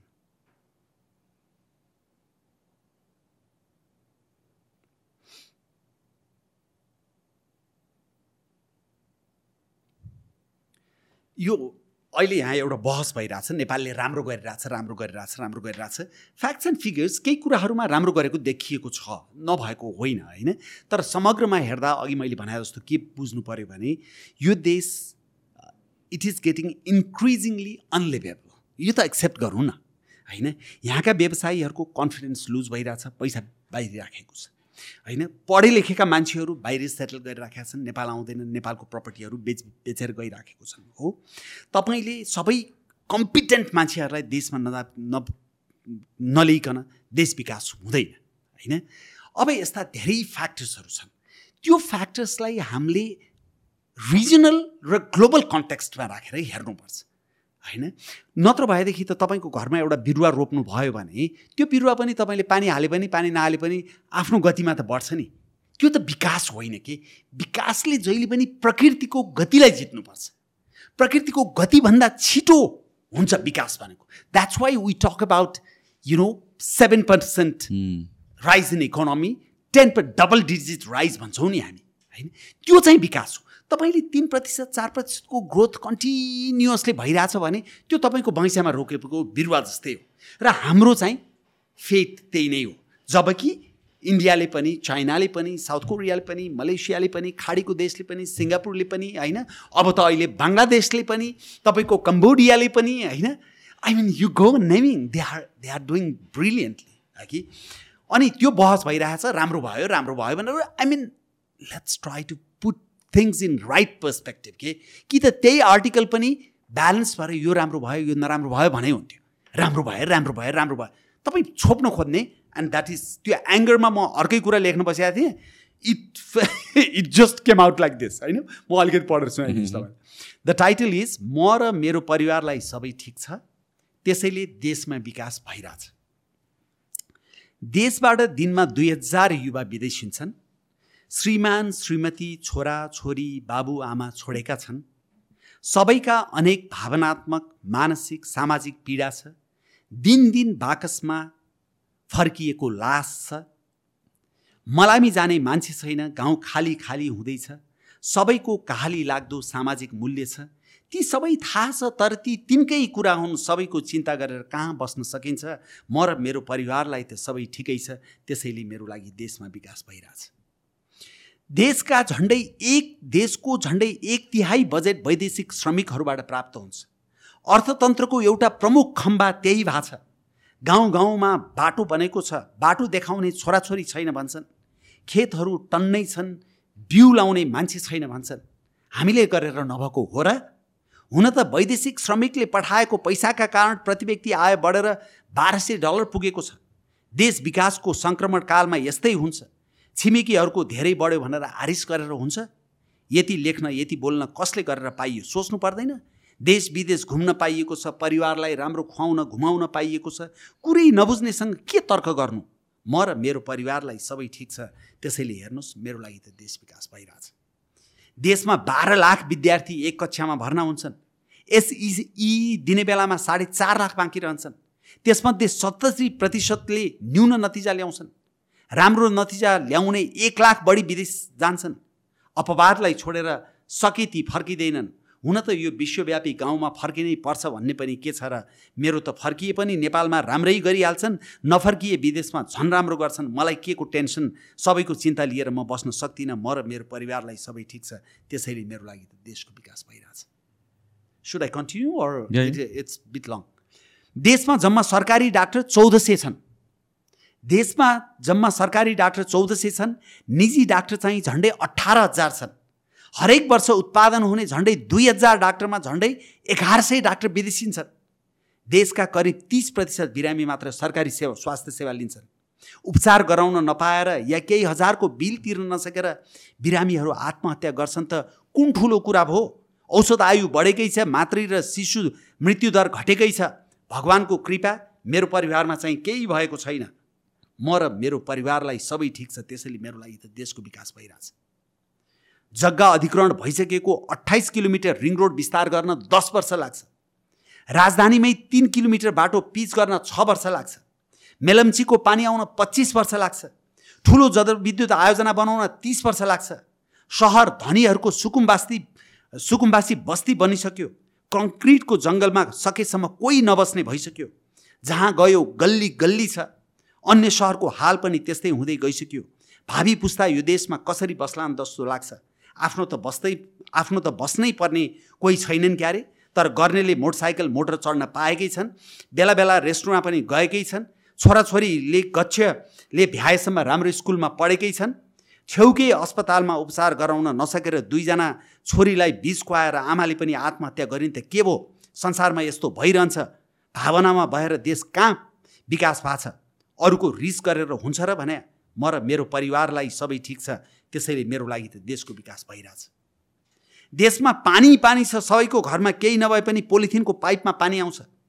देशमा बिजुली बिजुली छ सबैको घरमा थोत्रो तारमा भए पनि बिजुली आउँछ। टिनले बारेको छाप्रोमा भए पनि बहुसङ्ख्यक नेपालीको घर छ। दस ठाउँमा च्यातिएकी किन नहोस् सबैलाई लगाउने लुगा छ। यस्ता यस्ता कुरा देख्दै नदेख्ने यो सुन्दर देशलाई अरूसँग दाँजेर झुर मात्रै भन्ने कस्तो कुण्ठित मनोरोगीहरूको देश बन्यो। म त त्यस्तो भन्दै भन्दिनँ फुलको आँखामा फुलै संसार म र मेरो परिवारलाई सबै ठिक छ त्यसैले मेरो लागि त देशमा विकास भइरहेछ नपत्याए तथ्याङ्क हेरेर भइहाल्छ। मैले मन्त्री पनि चिनेको छु प्रधानमन्त्रीलाई चिन्ने मान्छे पनि चिनेको छु सचिव पनि चिनेको छु प्रहरी पनि चिनेको छु। केही समस्या पर्यो भने तुरुन्तै सल्टाउन सक्छु। पाँच तारे होटलमा देश बनाउने भाषण दिन्छु। समाज एकदम नकारात्मक भयो। ठिक ठिक तथ्याङ्क टिप्नै नजान्ने सकारात्मकता छर्नै नजान्ने आफै पहिले सकारात्मक नभई अरूलाई बनाउन सकिन्छ? म त फेरि पेसागत आर्थिक रूपमा केही न केही सफल मान्छे नै हुँ नि समाजमा अलिअलि सम्मान पनि छ। म र मेरो परिवारलाई सबै ठिकै छ। त्यसैले मेरो लागि त देशमा विकास भइरहेछ। संसारकै कान्छो गणतन्त्र भनेर संसारभरि हाम्रो कत्रो इज्जत छ। देख्नु भएन तपाईँले? घरको गलैँचा बाटोमा बिछ्याएर हाम्रो प्रधानमन्त्रीलाई अमेरिकी राष्ट्रपतिभन्दा भव्यसँग स्वागत गरेको? देख्नुपर्ने कुरा नदेख्ने? अनि हामीले कत्रो बलिदान दिएर ल्याएको सङ्घीयता धर्मनिरपेक्षता गणतन्त्रको उल्ली बिल्ली लगाउन खोज्ने तपाईँ को? तपाईँ पश्चगामी हो प्रतिगामी हो प्रतिक्रियावादी हो दास हो अबुझ हो अप्रगतिशील पुरातनवादी कपुत हो? आफ्नै पुस्ताको बारेमा सोच्न नसक्नेले भावी पुस्ताका बारे गफ दिने म र मेरो परिवारलाई सबै ठिक छ त्यसैले मेरो लागि देशमा विकास भइरहेछ। This is this is the reality and you can dispute it र यो देश तपाईँको अलिकति मात्रै भिजनरी अलिकति मात्रै इन्टेग्रिटी र अलिकति मात्रै कम्पिटेन्सी भएको मान्छेहरू नेतृत्वमा हुनुभयो भने this can be one of the most beautiful countries in the world होइन we all know it unfortunately it's not happening र जुन एउटा नयाँ नयाँ हामीले अपेक्षा गरिरहेछौँ मलाई डर के हो भने from the frying pan into the fire भन्छ नि। It's oscillating between from the frying pan into the fire and from the fire into the frying pan again and it's been like this for years and years होइन? अब यो तोड्नको लागि तपाईँको पुस्ता तपाईँभन्दा मुनिको पुस्ताले अलिकति सेन्स युज नगर्ने हो भने उनीहरूले उनीहरूले जज गर्नु पऱ्यो कि राइट के हो रङ के हो भनेर होइन? उनीहरू ओभरवेल्म पनि हुनु भएन। किनभने it will be them will be impacted अलहट not us होइन? उनीहरूको पुस्तालाई असर पर्ने हो नि। त्यसो हुनाले उनीहरूको जजमेन्ट चाहिँ ठिक हुनु पऱ्यो यहाँ त कहिले हुर्र तपाईँको हावा आएको छ त्यसैमा ओभर ओभरवेल्म भएको छ। कि त? उही पुरानै कुराले तपाईँको रुल गरेको छ होइन? अब यस्तो गर्दाखेरि कस्तो गाह्रो भयो र यसलाई चाहिँ यो सम्पूर्ण राजनीतिलाई if we can't bring back to track यो कन्ट्रीमा भावी पुस्ताको भविष्य छैन। न द थिङ अबाउट राजतन्त्र तपाईँले जुन भन्नुभयो हाम्रो युनिफाई गर्नको लागि राजतन्त्र चाहिन्छ र धेरैवटा राज संस्था चाहिन्छ र जुन मल्टिपल कन्ट्रिजहरूमा पनि स्टिल मोनार्की भएर पनि सस्टेन गरिरहेको छ। होइन? So same thing goes for गणतन्त्र पनि नि त अरू कन्ट्रिजमा पनि त पोजिटिभ रिजल्ट आएको छ। हाम्रोमा मात्र नहुने हो कि त्यसको रिजल्ट पोजिटिभली अब हाम्रोमा एकदम दिस इज आई मिन एकदम राइट क्वेसन तपाईँले गर्नुभयो। हाम्रो बासठी त्रिसठी पछि मर्निङ सोज द डे भनेर भन्छ नि होइन? सङ्केतहरू राम्रो हुँदै गएको भए प्रेसिडेन्टको इन्स्टिट्युसनले राम्रोसँग काम गर्न सकेको भए अनबायस्ड भएको भए नेसनको गार्डियनको रूपमा काम गर्न सकेको भए प्राइम मिनिस्टरले भेस्टेड इन्ट्रेस्टलाई पर राखेर thirty years down the line तपाईँहरूको पुस्ता को भविष्य यो देशमा के हुन्छ त्यति बेलाको जियो पोलिटिक्स के हुन्छ त्यो समयमा हामी कस्तो कन्टेक्स्टमा हुन्छौँ डोमेस्टिक फ्याक्टर्सहरू के हुन्छ? इन्टरनेसनल फ्याक्टर्सहरू के हुन्छ? र त्यो तिस वर्षपछिको नेपालको लागि सोचेर काम गरिदिएको भए। त्यो गर्नको लागि अख्तियार जस्ता एन्टी करप्सन बडिजहरूलाई सशक्त बनाइदिएको भए। ब्युरोक्रेसीको कपेसिटी वृद्धि गरिदिएको भए। युनिभर्सिटीलाई साँच्चीकै सेन्टर अफ लर्निङ बनाउनको लागि प्रयास गरिदिएको भए। होइन? स्कुलको शिक्षा भनेको फाउन्डेसन हो। त्यो बिग्रेपछि युनिभर्सिटी तपाईँले राम्रो बनाउनु भयो भने पनि राम्रो प्रडक्ट निकाल्न सक्नुहुन्न होइन? त्यो स्कुलको शिक्षामा ध्यान दिएको भए कि तपाईँले भनेको जस्तै गणतन्त्र भएर के भयो त?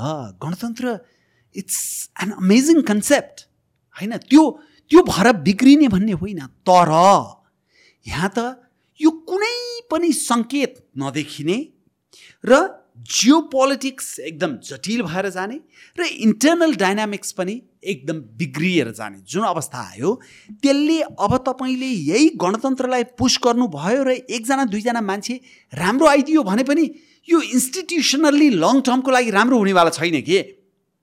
त्यसो हुनाले हामीलाई एउटा कुसन संस्था चाहियो। जहाँ गएर if there is any trouble you can just fall back एकजना बितिसक्नुभयो। He was a highly respected constitutional expert Ganesh Raj Sharma. उहाँले भन्नुहुन्थ्यो मोनर्की भनेको it is like a torch light you just lit it when it is there is darkness and Nepal has never been in darkness so thick यो कुरा बुझौँ के? Let's not try to cover it up यो जुन किसिमको Jio politics develop भइरहेको छ जुन किसिमको इन्टरनल डाइनामिक्स छ र जुन स्तरका हाम्रा नेताहरू छन् त्यसले तपाईँहरूको र तपाईँहरूभन्दा मुनिको पुस्ताको त्यसले हित गर्दैन होइन? त्यस कारणले गर्दाखेरि हामी कहाँ चाहिँ एउटा त्यो लामो हिस्टोरिकल लेगेसी भएको इन्स्टिट्युसन चाहियो। र त्यो इन्स्टिट्युसनले कमसे कम भोलि यो देशमा क्राइसिस आयो भने सबैको लागि त्यो युनाइटिङ फ्याक्टर हुन सकोस्। त्यो हुन सक्दो रहेछ भन्ने कुरा त you know king Gyanendra has been demonise like anything होइन? He has been demonise like anything त्यस्तरी डिमोनाइज गर्दा नि धनगढी गए पनि tens of thousands of people Nepalgunj गए नि tens of thousands of people Surkhet गए नि tens of thousands of people Itahari गए पनि tens of thousands of people Janakpur गए नि tens of thousands of people काठमाडौँमा आए पनि tens of thousands of people why people from all works of life still see him as a symbol of uni unity होइन? As a symbol of national strength let's accept that ठिक छ राजाले गल्ती गरे अनि अहिलेको नेताहरूले सयवटा गल्ती गरेका छैन। गल्ती त सबैले गरे जनताले गरे नेताले गरे राजाले गरे।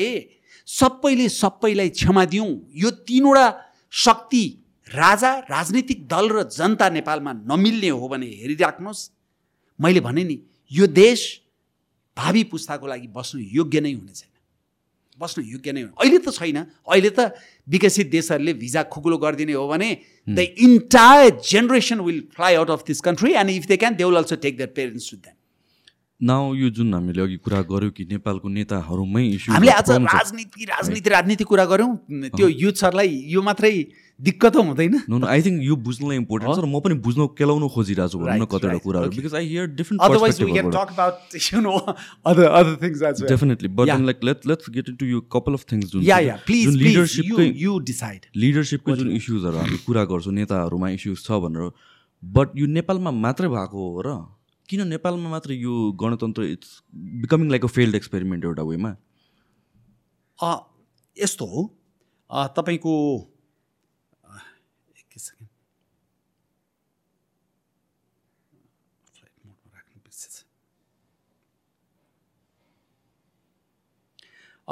नेपालमा यस्तो छ। यसै हामीलाई कुन किसिमको सिस्टम सुट गर्छ भन्ने कुरा what is the best ideology भन्ने कुराले डिसाइड hmm. गर्दैन। होइन? Ideologically China I mean practice is different आइलो ideology Singapore practice is something different Germany practice is something different UK practice is something different America practice is something different Scandinavian countries practice something different India practice is something different and we practice something different होइन? त्यसो हुनाले आइडियोलोजीले तपाईँको देश best ideology सबै ठाउँमा उत्तिकै applicable हुन्छ भन्ने कुरा होइन। कि गणतन्त्रको सोच आफैमा नराम्रो सोच हुँदै होइन नि हुँदै होइन। तर नेपालको कन्टेक्स्टमा त्यसले काम गर्छ कि गर्दैन भनेर सोच्नुपर्छ नि।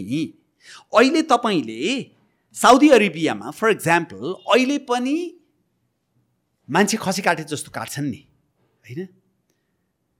तर साउदी अरेबिया भव्यसँग विकास गरिरहेछ। अहिले त झन् नयाँ त्यो प्रिन्सले he is trying to open up the country होइन गजब पर क्यापिटल इन्कम पनि हाई छ राम्रो गरिरहेछ। अब ओहो यस्तरी देश विकास भइसक्यो। तिमीहरू त साह्रै पश्चगामी पुरातनवादी भयो। अहिले पनि सार्वजनिक चौरमा मान्छे काट्छौ। यहाँ त डेमोक्रेसी चाहिन्छ भनेर तपाईँले जबरजस्ती त्यहाँ डेमोक्रेसी लादिनुहोस् त। Will it work it will not it will not things will have to evolve तपाईँले फोर्सफुल्ली गर्नुभयो भने के हुन्छ? होइन? त्यो बिग्रिन्छ। चिनमा तपाईँको अहिले चिनदेखि सारा संसार अमेरिकन लगाएर सबै तर्सेका छन्। चिनियाहरूसँग र सिङ्गापुरियनहरूसँग म लन्डनमा बस्दाखेरि मलाई मौका मिल्यो कि उनीहरूसँग कुरा गर्न अलिक बढी रहर लाग्थ्यो कि। They simply don't bother about whether Google works in China or not होइन? किनभने they are rich they can fly business class they can go to the most expensive stores in Europe and America by their staff you know travel around the world come back they simply don't bother रहेछ कि? त्यो गरिस् भनेर तँ त कस्तो पश्चगामी तँलाई त लोकतन्त्रको वास्तै छैन भनेर हामीले भन्न मिल्छ। मिल्दैन नि होइन? त्यस कारणले देशको कन्टेक्स्ट अनुसार हेर्नुपर्छ। नेपालको कन्टेक्स्टमा गणतन्त्र फिट भएन। नेपालको कन्टेक्स्टमा सेक्युलरिजम फिट भएन। त्यो मेरो आइडियोलोजीले मैले जित्न खोजेँ भने तपाईँहरूको पुस्तामाथि अन्याय हुने भयो। तपाईँभन्दा मुनिको पुस्ताको लागि यो देश बस्नै नहुने हुन लाग्यो। र सुधार्न खोज्दाखेरि सुधारिने सङ्केतै नदेखिन लाग्यो। किनभने things are basically falling apart पत्र पत्र सोसाइटीको बिग्रिसकेका छ। तपाईँले सही कुरा गर्न खोज्दाखेरि मान्छेले पत्याउँदै पत्याउँदैन। Abnormal has become normal and normal has become abnormal त्यो भनेको के हो भने तपाईँ यहाँ सडकमा हिँड्दाखेरि झल्याङ झुलुङ तार देख्नुभयो भने खाल्डो पारेको बाटोमा मोटर चलाउँदाखेरि you don't feel anything because you are so used to it that is abnormal something abnormal तपाईँले मोटरसाइकलको लाइसेन्स लिन जानु पऱ्यो र पन्ध्र सय बिचौलियालाई दिनु पऱ्यो भने you don't think that is abnormal that's normal तपाईँ you want to start a new business you want to separate a you know portion of the money for commissions that is not abnormal that is no normal तपाईँको you're a minister तपाईँको नातेदारलाई जागिर लगाइदिनु पऱ्यो भने that is normal for you गरिहाल्छ नि अहिले सांसदहरूले पाँच पाँच करोड जुन सांसद विकास कोषबाट पाइरहेका छन् आफ्नो कन्स्टिचुएन्सीमा लान द्याट्स नर्मल फर द्याम ए गर्नै पऱ्यो नि सांसदहरूले त गर्ने नै त्यही हो नि। होइन? So everything abnormal has become normal in this society र यो यसरी इट्स फलिङ अ पार्ट कि यो इकोनोमिस्टको कन्क्लुजनसँग मैले त यो भन्दै भन्दै आएको मैले भन्दा अब कसैले पत्याउने कुरा भएन होइन? अब इकोनोमिस्टले भनेपछि त अलिकति सिरियसली लिनु त्यसलाई पनि होइन होइन गरेर छोप्न खोज्यो भने हामी जस्ता बोल्ने मान्छेको छोराछोरी त त्यसै गइहाल्छन्। यहाँ दुःख पाउनेहरू चाहिँ यहाँ देशमा बसेर दुःख पाउनुपर्छ। न एउटा कुरा मलाई एक्सप्लेन गरिदिनुहोस् मैले नबुझेको भनेको यो सेक्युलरिजम सेक्युलर स्टेट बनाउनुको निड के थियो? किनभने पहिला हिन्दू स्टेट हुँदाखेरि पनि त्यस्तो भेदभाव अन एनी रिलिजन त्यस्तो थियो र। यसको निड कहाँबाट आयो? यसको निड न बारबुँदीमा यसको माग थियो न मधेस आन्दोलनमा यसको माग थियो न राजा विरुद्धको त्यत्रो स्ट्रिट प्रोटेस्टमा यसको माग थियो। रातारात कसैलाई भन्दै नभने संसदमा एकैचोटि लगेर नेपाललाई तपाईँको धर्मनिरपेक्ष घोषणा गरियो। सो घोषणा गरेपछि गरेपछि चेन्ज चाहिँ के भयो इन टर्म्स अफ रिलिजन ऊ अहिले पशुपतिभित्र गएर बाइबल वाचन हुन्छ होइन? धादिङ जस्तो ठाउँमा अहिले त्यत्रो तामाङ बस्ती भएको ठाउँमा असी पर्सेन्ट क्रिस्चियन भइसके त्यो क्षत्योन भनेर भन्छ नि डाँडाको टुप्पोमा राख्छ उनीहरूले होइन? त्यो छोत्योन हरा हटाएर त्यसको ठाउँमा क्रस ठडा गरिरहेको छ। अब यो स्पिड यसको बढ्दै गएपछि मन्दिरमा घाँस पढाउन थाल्छ अनि त्यहाँबाट हिन्दूहरू रिसाउन थाल्छन्। रिसाउन थालेपछि त्यो उग्रभाव आउँछ अनि त्यो अतिवादले छोप्छ र अतिवादले छोपे छोपेपछि कन्फ्लिक्ट हुन्छ। That's why we have to intervene in time नत्र भए त्यो एक्सट्रिमिजम बढ्न थालेपछि किनभने when you feel that you are pushed against the wall होइन? In a corner then you you react and you react in a violent way हो त्यो हुनुभन्दा अगाडि नै हामीले विचार गर्नु पर्यो भन्ने कुरा हो। सो तपाईँले पार्टी छोड्नुभएको मेन रिजन के थियो? यस्तो भयो। त्यो पार्टी सुरु गर्दाखेरि यही सङ्घीयता गणतन्त्र धर्मनिरपेक्षताकै लाइनमा त्यो पार्टी लैजाने भनेर साझा पार्टी सुरु गरियो होइन? अनि पछि हामी विवेकशील साझा भयौँ। तिन चार वर्षपछि मलाई स्ट्रङली के फिल हुन थाल्यो भने यो देश यो समाज र यो राजनीतिलाई त without any one realizing it प्रचण्डजीले सबै प्रचण्डीकरण गरिदिइसक्नु भएछ।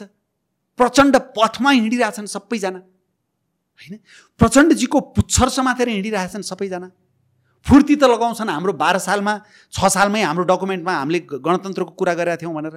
तर यो सबैको कारण के हो त भने प्रचण्डजी हो। सिङ्गो समाज सिङ्गो देश सिङ्गो राजनीति प्रचण्डीकरण भएपछि यो कहिले सन्तुलित विवेकपूर्ण समाज बन्छ बन्दैन के? सो आई सेड नो यो देशलाई घात गर्ने राजनीति बरु म गर्दिनँ। I knew you know all the academics were my friends all the journalist were my friend all civil society leaders were were my friend I and I knew very well that they were they are going to demonise me for changing my course होइन तर I said come on I don't mind being demonise for the country के मेरो लागि was I doing it for myself त्यो गर्ने भए त म त बरु त्यही लाइनमा बसेर मैले चुनाव जित्थेँ नि सजिलो थियो नि।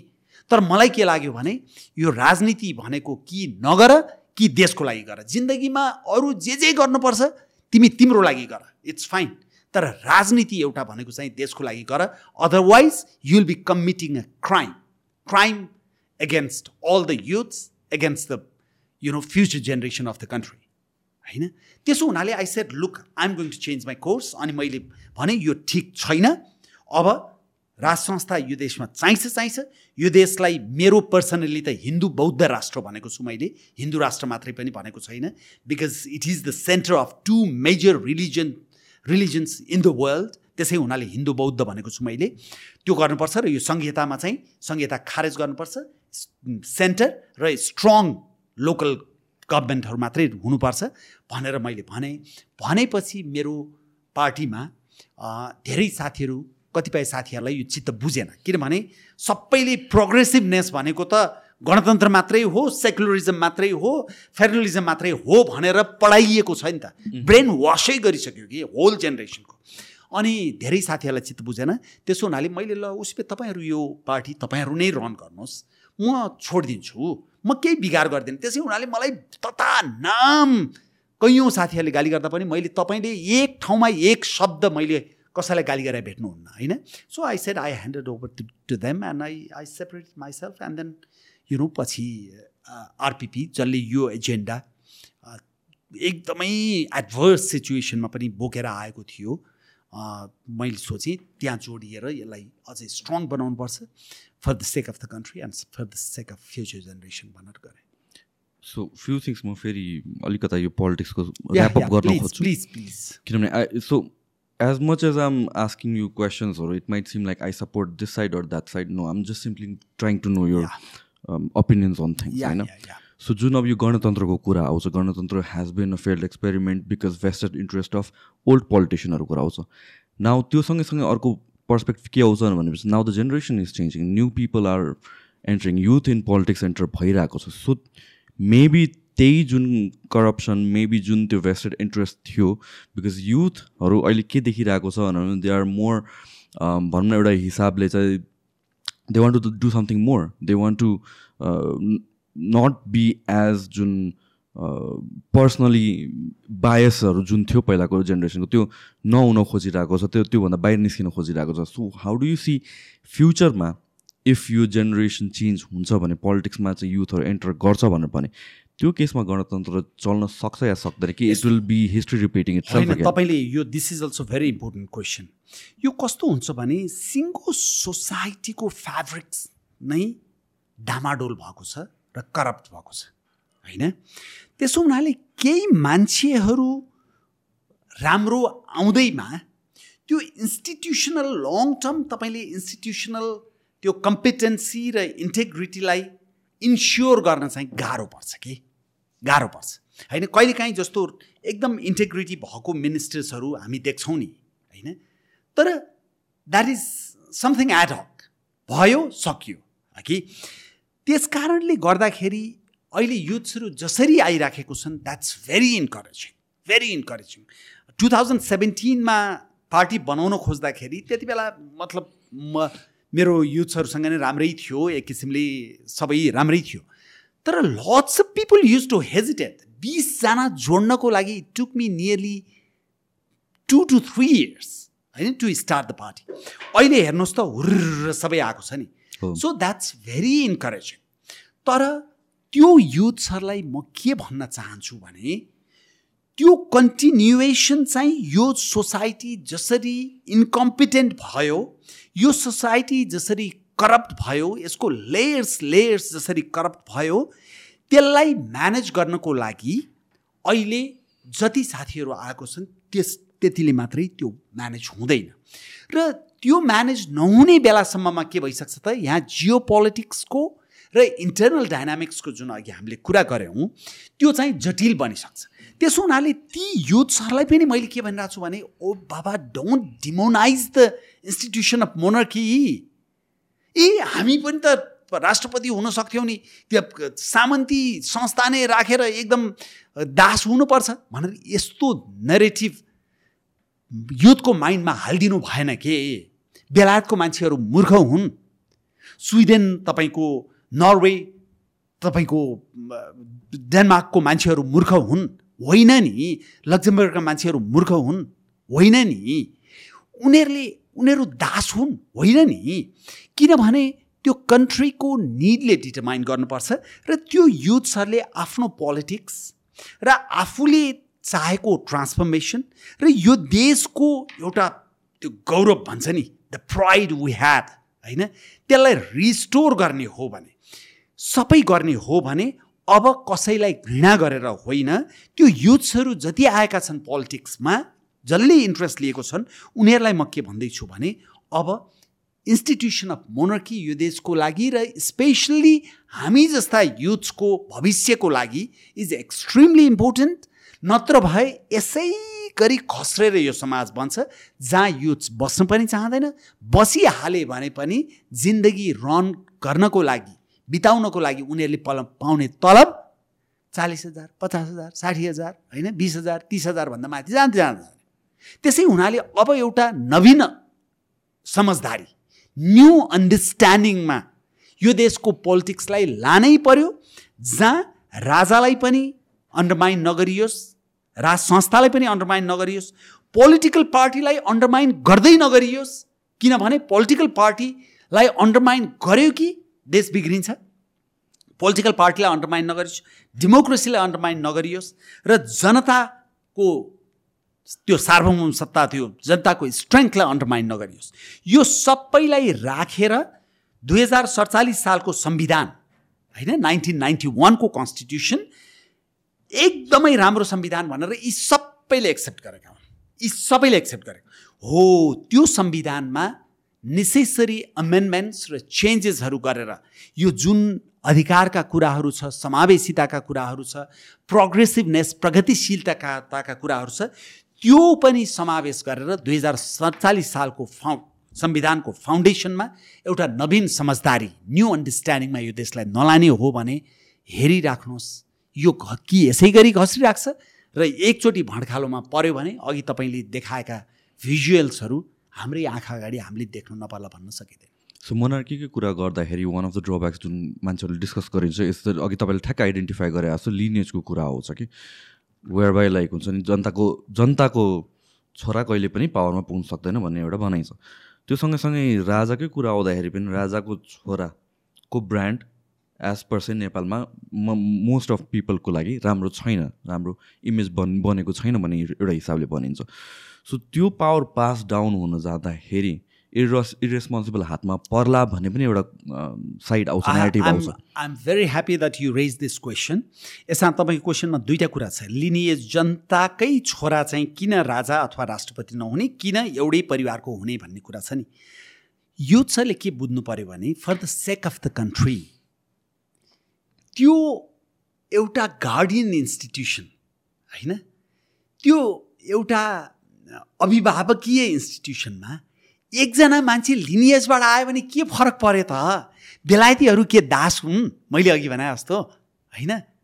तपाईँको Scandinavian countries in terms of per capital income in terms of happiness index in terms of GDP सधैँ इन सबै कुरामा in terms of human development index सबै कुरामा माथि छन्। के तिनीहरू सबै दास हुन्?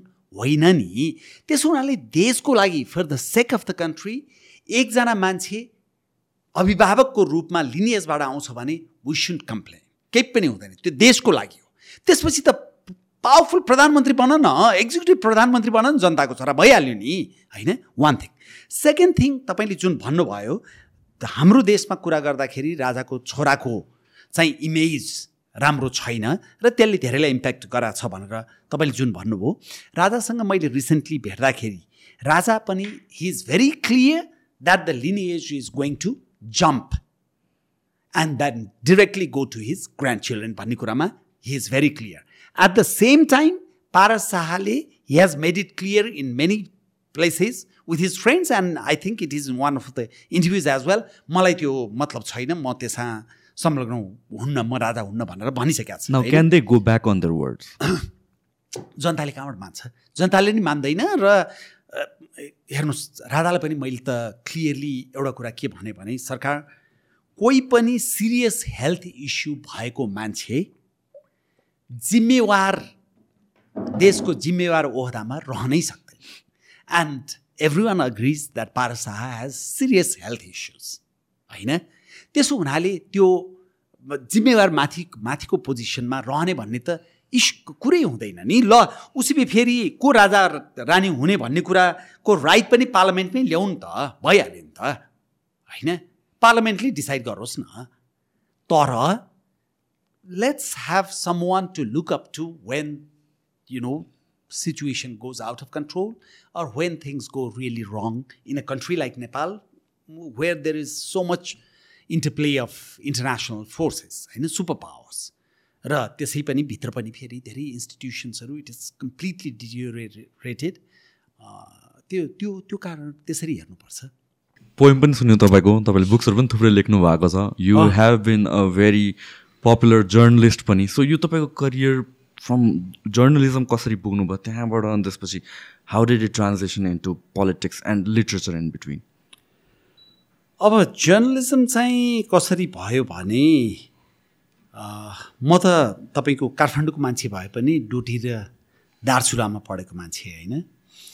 र मिन लट्स अफ युथ्स लाई म फेरि पनि के भन्छु भने कैयौँ म युथ्सहरूसँग इन्ट्याक्ट गर्दा हामी त सरकारी स्कुलमा पढेको होइन हामी त यस्तो गरेको यस्तो नराम्रो स्कुलमा पढेको भन्छन् होइन। तर त्यो युथ्सहरूले कन्सिस्टेन्टली मिहिनेत गर्ने हो भने चाहिँ गर्न सकिन्छ भन्ने एउटा उदाहरण म पनि हुँ किनभने म टुकी बालेर पढेको मान्छे म सुगुलमा बसेर डेस्क बेन्च पनि थिएन होइन? सुगुलमा बसेर पढेको मान्छे। म पढेको स्कुलबाट एकजनाले एसएलसी पास गर्दाखेरि फुलमाला लगाएर बजार घुमाउँथे होइन? ओके सो एकदम रेयर थियो एकदम रेयर थियो डोटी दार्चुलामा दुवै ठाउँमा होइन? र मलाई भाग्यले ऊ आयो भनौँ न होइन? तर मैले अहिले युथहरूलाई भन्न खोजेको चाहिँ के भने जस्ट वर्क हार्ड। अहिलेको टाइममा त्यो टाइममा मेहनत गऱ्यो भने जस्तो मान्छेहरू पनि उठ्न सक्छन् कि? उठ्न सक्छन्। र मैले चाहिँ दस क्लास एसएलसी पास गर्दै गर्दाखेरि चाहिँ मेरो दिजु चाहिँ मस्कोमा यो लुमुम लुमुम लुमुम्बा युनिभर्सिटी हो क्या अरे होइन? सी वाज स्टडिङ जर्नलिजम होइन? अनि सम हाउ मेरो बुवालाई चाहिँ मेरो अङ्कललाई चाहिँ मलाई अलिकति मेडिसिन सेडिसिन पढाउने इच्छा। मेरो अङ्कललाई चाहिँ मेरो बुवालाई चाहिँ जर्नलिजम इङ्ग्लिस लिट्रेचर पढाउने इच्छा। अनि पछि बुवाको इच्छाले जित्यो होइन? जितेपछि अब इङ्ग्लिस बनाउन चाहिँ मलाई निकै गाह्रो भयो किनभने मेरो स्कुलिङ ब्याकग्राउन्ड मैले भनिहालेँ नि होइन? टिचर्सहरूले बिचरा कास्टल भन्नु पऱ्यो भने क्यास्टल भन्नुहुन्थ्यो। It is none of their fault होइन? त्यस्तो त्यस्तो थियो त्यो त हाम्रो जेनेरेसनसम्म पनि थियो। म क्लास वान टूमा हुन्छ थियो। होइन। अब किनभने हाम्रो देशको शिक्षाको कारणले हो नि त होइन। अनि मलाई अलि धेरै मिहिनेत गर्नु पऱ्यो त्यसरी म जर्नलिजम पढ्न थालेँ। अनि म पहिल्यैदेखि लेख्ने ओर्ने फाटाफुट्ट इधर उधर गर्ने गर्थेँ। अनि मास्टर्स गर्ने बेलामा म टेलिभिजनमा काम पनि गरेँ। And I used to write I mean once in a while I used to write articles as well so masters मैले इङ्ग्लिसमा गरेँ टियुबाट and then after that I got a scholarship to study to do another masters in journalism in Pakistan so I went to Pakistan fortunately त्यहाँ पनि कस्तो भयो भने from early in the morning till until around one thirty I used to go to university त्यहाँ एकदमै गर्मी हुने हुनाले बिहान हुन्थ्यो युनिभर्सिटी होइन? But then from around 2, 2.30 to 10 o'clock, I got a job in a leading Pakistani newspaper, uh, the News International. You know, that also comes out simultaneously from New York, London, and Sydney. And I got a job there. So in the morning, I used to go to university. In the afternoon, till late evening, I used to work. त्यसरी म जर्नलिजममा गरेँ अनि पाकिस्तानमा बस्दा बस्दै I had done some reporting for the BBC Nepali service so why specifically news पेपरमै तपाईँ छिर्नु भएको त्यतिखेर? अब न्युज पेपर त that was the only option मतलब रेडियोमा अब पाकिस्तानमा गर्ने कुरा भएन। That was English medium newspaper English newspaper होइन? अनि मैले आई आई गर अ जब सो त्यही त्यसै भइहाल्यो होइन? अनि that was so good for me कि? पैसा पनि आउने पढ्नु पनि पाउने प्र्याक्टिस पनि गर्नु पाउने सबै जन्मदा भइहाल्यो। सो त्यहाँ गर्दा गर्दै मैले पाकिस्तानमा इलेक्सन्स हुँदाखेरि I had done some reporting to the BBC Nepali service अनि because I had worked with Nepal television for a short period of time अलिकति डेलिभरी पनि ठिकै थियो। So Khagendra Nepali and Mani Rana who is to work at in the BBC Nepali service at that time they are very impressed है कि? एकदमै उहाँहरू प्रभावित हुनुभयो। अनि मेरो ठ्याक्क मास्टर सकिने बेलामा दे कल मी अनि तपाईँको चाहिँ हामी एउटा सानो टेस्ट लिन्छौँ। अनि त्यो टेस्ट जाँच चाहिँ उत्तीर्ण गर्नुभयो भने can you come and work for six months in London भनेर भने के चाहियो होइन? नेपालबाट पाकिस्तान पुगे भने चाहिँ लन्डन सन्डन त कहिले गएकै छैन। अनि फेरि त्यसमा पनि बिबिसी। सो त्यो टेस्ट भयो test I did fine so immediately त्यसरी ल काठमाडौँ आउनु। अनि एक हप्ताभित्रमा यो भिजा लिएर लन्डन आउनु भन्यो। सो मेरो फेरि ठ्याक्कै जाँच सकेको बेला परेको। So I came to Kathmandu to get visa and then went to London है कि? त्यसपछि लन्डनमा चाहिँ अब I was there fifteen years त्यहाँ। म पन्ध्र वर्ष I work in different departments of the BBC and then I become the head of the Nepali service त्यसरी I got into journalism and then म रेडियोमा मात्रै होइन। I used to do some television at times होइन। अनि त्यसपछि I was a columnist as well म कान्तिपुरमा होइन त्यो उसमा नागरिकमा अनि नेपाल म्यागजिनमा लेख्थेँ त्यसरी त्यसरी भएको। सो जुन यो फ्रिडम अफ प्रेसको कुराहरू आउँछ but then what I really want to understand is freedom of press भन्दा पनि I think like majority of ठाउँमा त त्यो छ नै अहिले। नाउ बायसनेस भन्ने कति हुन्छ within the organisation knowingly yeah unknowingly अब यो चाहिँ it's a very tricky thing मेरो चाहिँ because of my training in the BBC which is still regarded as the most independent and most objective news organisation in the world होइन? त्यतिको त्यहाँ पनि अब केही भयो होला यताउता भयो मान्छेले आलोचना गर्लान्। तर त्यो चाहिँ संसारमा रिलेटिभली सबभन्दा इन्डिपेन्डेन्ट र objective organise because I was train there मेरो एप्रोच चाहिँ के हो भने तपाईँको ब्रह्म र विवेकले भ्याएसम्म जर्नलिजम भन्ने कुरा इन्डिपेन्डेन्ट नै हुनुपर्छ अब्जेक्टिभ नै हुनुपर्छ भन्ने हो। तर म एउटा यो पब्लिक डिस्कसनमा थिएँ एउटा literature फेस्टिभलमा two of the top journalist Nepal they were arguing that journalism can never be unbiased and never be objective never be independent भनेर। अनि म चाहिँ के आर्ग्यु गरिरहेको थिएँ भने तपाईँको ब्रह्म र विवेकले नै भ्याएन भने इज अ डिफ्रेन्ट थिङ तर ब्रह्म र विवेकले भ्याएसम्म त्यसलाई अब्जेक्टिभै बनाउनुपर्छ इन्डिपेन्डेन्टै बनाउनुपर्छ। त्यो इन्डिपेन्डेन्ट र अब्जेक्टिभ बनाएन भने सोसाइटीलाई तपाईँले अब्जेक्टिभली इन्फर्म गर्न सक्नुहुन्न। सोसाइटीलाई अब्जेक्टिभली इन्फर्म गर्न नसकेपछि त्यो सोसाइटी हाम्रो जस्तो बायस्ड भन्छ वान साइडेड सोसाइ सोसाइटी भन्छ है। र त्यस्तो सोसाइटीले कहिले पनि सुसंस्कृत हुँदैन कल्चर्ड सोसाइटी हुँदैन त्यो। भन्ने चाहिँ मेरो आर्गुमेन्ट हो। अब नेपालमा त तपाईँको पत्रकारहरूको पार्टीको छाता सङ्गठनै छ पत्रकारहरूको। And they call themselves journalist होइन? कमन यो हुँदैन कि? हुँदैन। नहुने कुरा मैले अघि तपाईँलाई भनेको थिएँ नि everything abnormal has become normal in the context of Nepal and lots of normal things have become abnormal तपाईँ सरकारी अस्पतालमा पार्टीको डाक्टर छैन भने तपाईँले बेड नपाउने स्थिति आइसक्यो।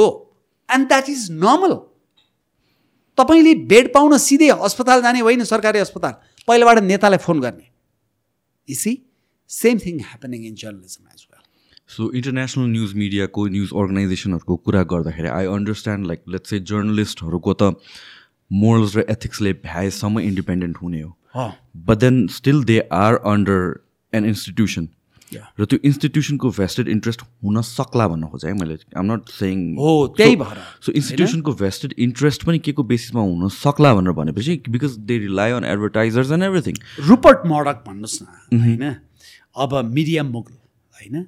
अथवा नेपालमा पनि पाकिस्तानमा पनि इन्डियामा पनि सबैतिर मिडिया मुगल्सहरू हुन्छन् media मुगल्सहरूको interest primarily they want to make profit out of it होइन त want to make a profit and journalists want to maintain the ethics, there is always a conflict Clash. between the right. owners mm-hmm. and the journalist. अब त्यसलाई private organisation हुनाले तपाईँले सकेसम्म balance गर्नुपर्छ। अब सक्दै सक्दैन नसक्ने ठाउँमा भयो भने छोड्नुपर्छ होइन? तर सकेसम्म ब्यालेन्स गर्नुपर्छ। तर नेपालको हकमा त्यो सकेसम्म ब्यालेन्स भएको धेरै ठाउँमा देखिँदैन। इन्टरनेसनली चाहिँ हुन्छ त ब्यालेन्स। पनि एफेक्ट गर्छ नि। एफेक्ट गर्छ होइन? त्यसै भएर Fox has a different kind of तपाईँको आइडेन्टिटी होइन सिएनएनको आफ्नै छ। बिबिसी इन्डिपेन्डेन्ट भनिनु कारण चाहिँ के हो भने तपाईँको एकदमै जस्तो बिबिसीकै डिरेक्टर जेनरल विवादमा पर्यो भने पनि अब्जेक्टिभली न्युज लेख्छ कि बिबिसीले होइन? बिबिसी इज पहिला चाहिँ फन्डेड बाई ब्रिटिस गभर्मेन्ट तर ब्रिटिस गभर्मेन्टकै भयानक क्रिटिकल हुन्थ्यो। अहिले चाहिँ तपाईँको ट्याक्स पेयरको मनीबाट फन्ड गरिरहेको छ होइन? ठुलो अंश त्यहाँबाट आउँछ। त्यसो हुनाले बिबिसीलाई रिलेटिभली त्यो भनेको कारण त्यही हो। र जर्नलिजम चाहिँ एज फार एज पोसिबल त्यसलाई इन्डिपेन्डेन्ट बनाउनै पर्छ। नेपालको जस्तो धेरै हदसम्म झोले पत्रकारिता गरेर त हुँदैन। त्यही अब नट जस्ट रिगार्डिङ न्युज अर्गनाइजेसनको मात्र कुरा होइन कि इन जेनरल मिडियाले पनि किनभने मिडियाले कल्चर सेट गर्छ। होइन? सो कल्चर जहाँ मुभ भयो इफ आफ्नो एउटा प्रोपोगेन्डा एजेन्डा छ भनेर भनेपछि जेनरल मासलाई त्यही डिरेक्सनमा लगिदिन्छ त्यही ट्रेन्डमा लगिदिन्छ। सो नेपालको कन्टेक्स्टमा पनि नेपालको कन्टेक्स्ट भनौँ या इन्टरनेसनली भनेर भनौँ लाइक मलाई चाहिँ कहिले कस्तो लाग्छ भने can we rely on all these information that I'm getting through the media जस्तो हुन्छ कि विदाउट क्रस चेकिङ होइन? र कुनै बेला थियो जुन बेला you could have hundred percent relied on news and मिडियाहरू होइन। त्यो अलिकति क्रस चेकिङ त हुनैपर्छ। कि हुनैपर्छ। अब क्रेडिबिलिटी जस्तो भन्नुहोस् न अघि मैले कुरा गर्दा इकोनोमिस्टको तपाईँलाई एक्जाम मैले कोट गरेँ होइन? अब इकोनोमिस्टमा आएको एनालिसिसलाई धेरै क्रस चेक गर्न आवश्यक पर्दैन। होइन? अब्जेक्टिभली नै लेख्या हुन्छ बिबिसी न्युज डट कममा आएको एनालिसिस होइन? काहीँको क्राइसिसको बारेमा पोलिटिक्सको बारेमा क्रस चेक धेरै गर्नु पर्दैन। तर नेपालको जर्नलिजममा चाहिँ फ्याक्चुअल्ली नै दे गेट इट रङ अस्ति मैले असाध्य नै अति भएपछि एकचोटि अलिकति रिसाएर मैले एउटा ट्विट गर्नु पऱ्यो त्यहाँ एउटा एनालिसिसमा के लेखियो भने दक्षिणपन्थीहरू चाहिँ लैङ्गिकता यौनिकतालाई मान्दै मान्दैनन् भनेर लेखिदिइरहेको होइन? त्यो पनि राम्रै पत्रकारले। दक्षिणपन्थीको माने त बुझ्नु पर्यो बेलायतमा पनि दक्षिणपन्थी छन् स्क्यान्डिनेभियन कन्ट्रिजमा पनि छन् अमेरिकामा नि छन् अस्ट्रेलियामा नि छन्। उनीहरूले यौनिकता लैङ्गिकता मान्दैनन्। जेनरलाइज गरिदिने तपाईँ ब्ल्याङ्केट स्टेटमेन्ट दिइदिने फ्याक्चुअली रङ स्टेटमेन्ट दिइदिने अनि त्यो पढ्ने अहिलेको विचारा यो छले के भन्छ ए दक्षिणपन्थीहरूले त यौनिकता लैङ्गिकता नै मान्दैनन् भनेर भनिदिन्छ। दक्षिणपन्थी भनेको घृणा गर्नुपर्ने तपाईँको पोलिटिकल ब्राकेट होइन नि। त्यो संसारभरि हुन्छ। दक्षिणपन्थी र वामपन्थी लेफ्टिस्ट र राइटिस्ट दुवै नभइकन समाज सन्तुलितै हुँदैन। तर एक्सट्रिम लेफ्ट र एक्सट्रिम राइट पो खराब हो त। Extreme ultra left ultra right पो खराब हो। जुनसुकै समाजमा खराब हो। तर तपाईँ दक्षिणपन्थी वामपन्थी भनेर जेनरलाइज गरिदिने सबै गरेर अनिखेरि दक्षिणपन्थी भन्नु भनेको राइट विङ भयो। हो राइट. होइन? दक्षिण इज राइट वामपन्थी is left now now that's the thing जुन पोलराइजेसन सोसियल मिडियामा हामी देख्छौँ नि I feel like majority of चाहे you belong to like right wing ideology होस् या लेफ्ट विङ आइडियोलोजी होस् majority of it it falls under एउटा सबसेटमा के कमनालिटीमा फल गर्छ कि it just when we are looking at extremes. Extremes on either side is dangerous तर कुनै पनि सोसाइटीमा लेफ्ट या राइट नहुने हो भने the system of checks and balance कहाँबाट आउँछ त? हुँदैन। त्यही भएर मैले ट्विटमा पनि त्यही लेखेँ। ए बाबा यो समाजको सन्तुलनको लागि पनि समाजको विवेकको लागि पनि राजनीति राम्रो हुनको लागि पनि राइट र लेफ्ट दुइटै चाहिन्छ। दुइटै चाहिन्छ। तर एक्सट्रिम अभोइड गर्नुपर्छ। Ultra is always bad in any aspect of society even in our personality होइन? Going to extreme is bad यो त बुझ्नु पऱ्यो नि। डु यु थिङ्क यो जुन राइज इन सोसियल मिडिया छ यसले गरेर पनि पोलराइजेसन क्रिएट गर्नलाई एकदमै एफेक्ट गरेको छ? Because it is changing the way we are communicating जस्तो कि तपाईँ र म अगाडि बसेर कुरा गर्छौँ भनेर भनेपछि तपाईँको र मेरो सबै विचार मिल्दैन होला। बट हामी कमन ग्राउन्डमा आएर कुरा गर्छौँ। हामीहरू एउटा हिसाबले चाहिँ एउटा सिभिल वेमा कुरा गर्छौँ। Social media for example if look at Twitter it's thrown out of the window होइन र? It's just people shouting yes so त्यसले गरेर पोलराइजेसन झन्बाट जस्तो लाग्दैन भने। अब सोसियल मिडिया चाहिँ कस्तो भयो भने यसको राम्रा पक्षहरू पनि धेरै छन् होइन? अब मैले त झन् च्यारिटीमा लामो समय बिताएँ र च्यारिटीको फन्ड रेजिङको एउटा मेन मिडियमै सोसियल मिडिया थियो। सोसियल मिडिया युज गरेर हेल्प नेपाल नेटवर्कमा हामीले दस करोडको परोपकारी charitable fund endowment fund create गर्ने भनेर सुरु गरेको।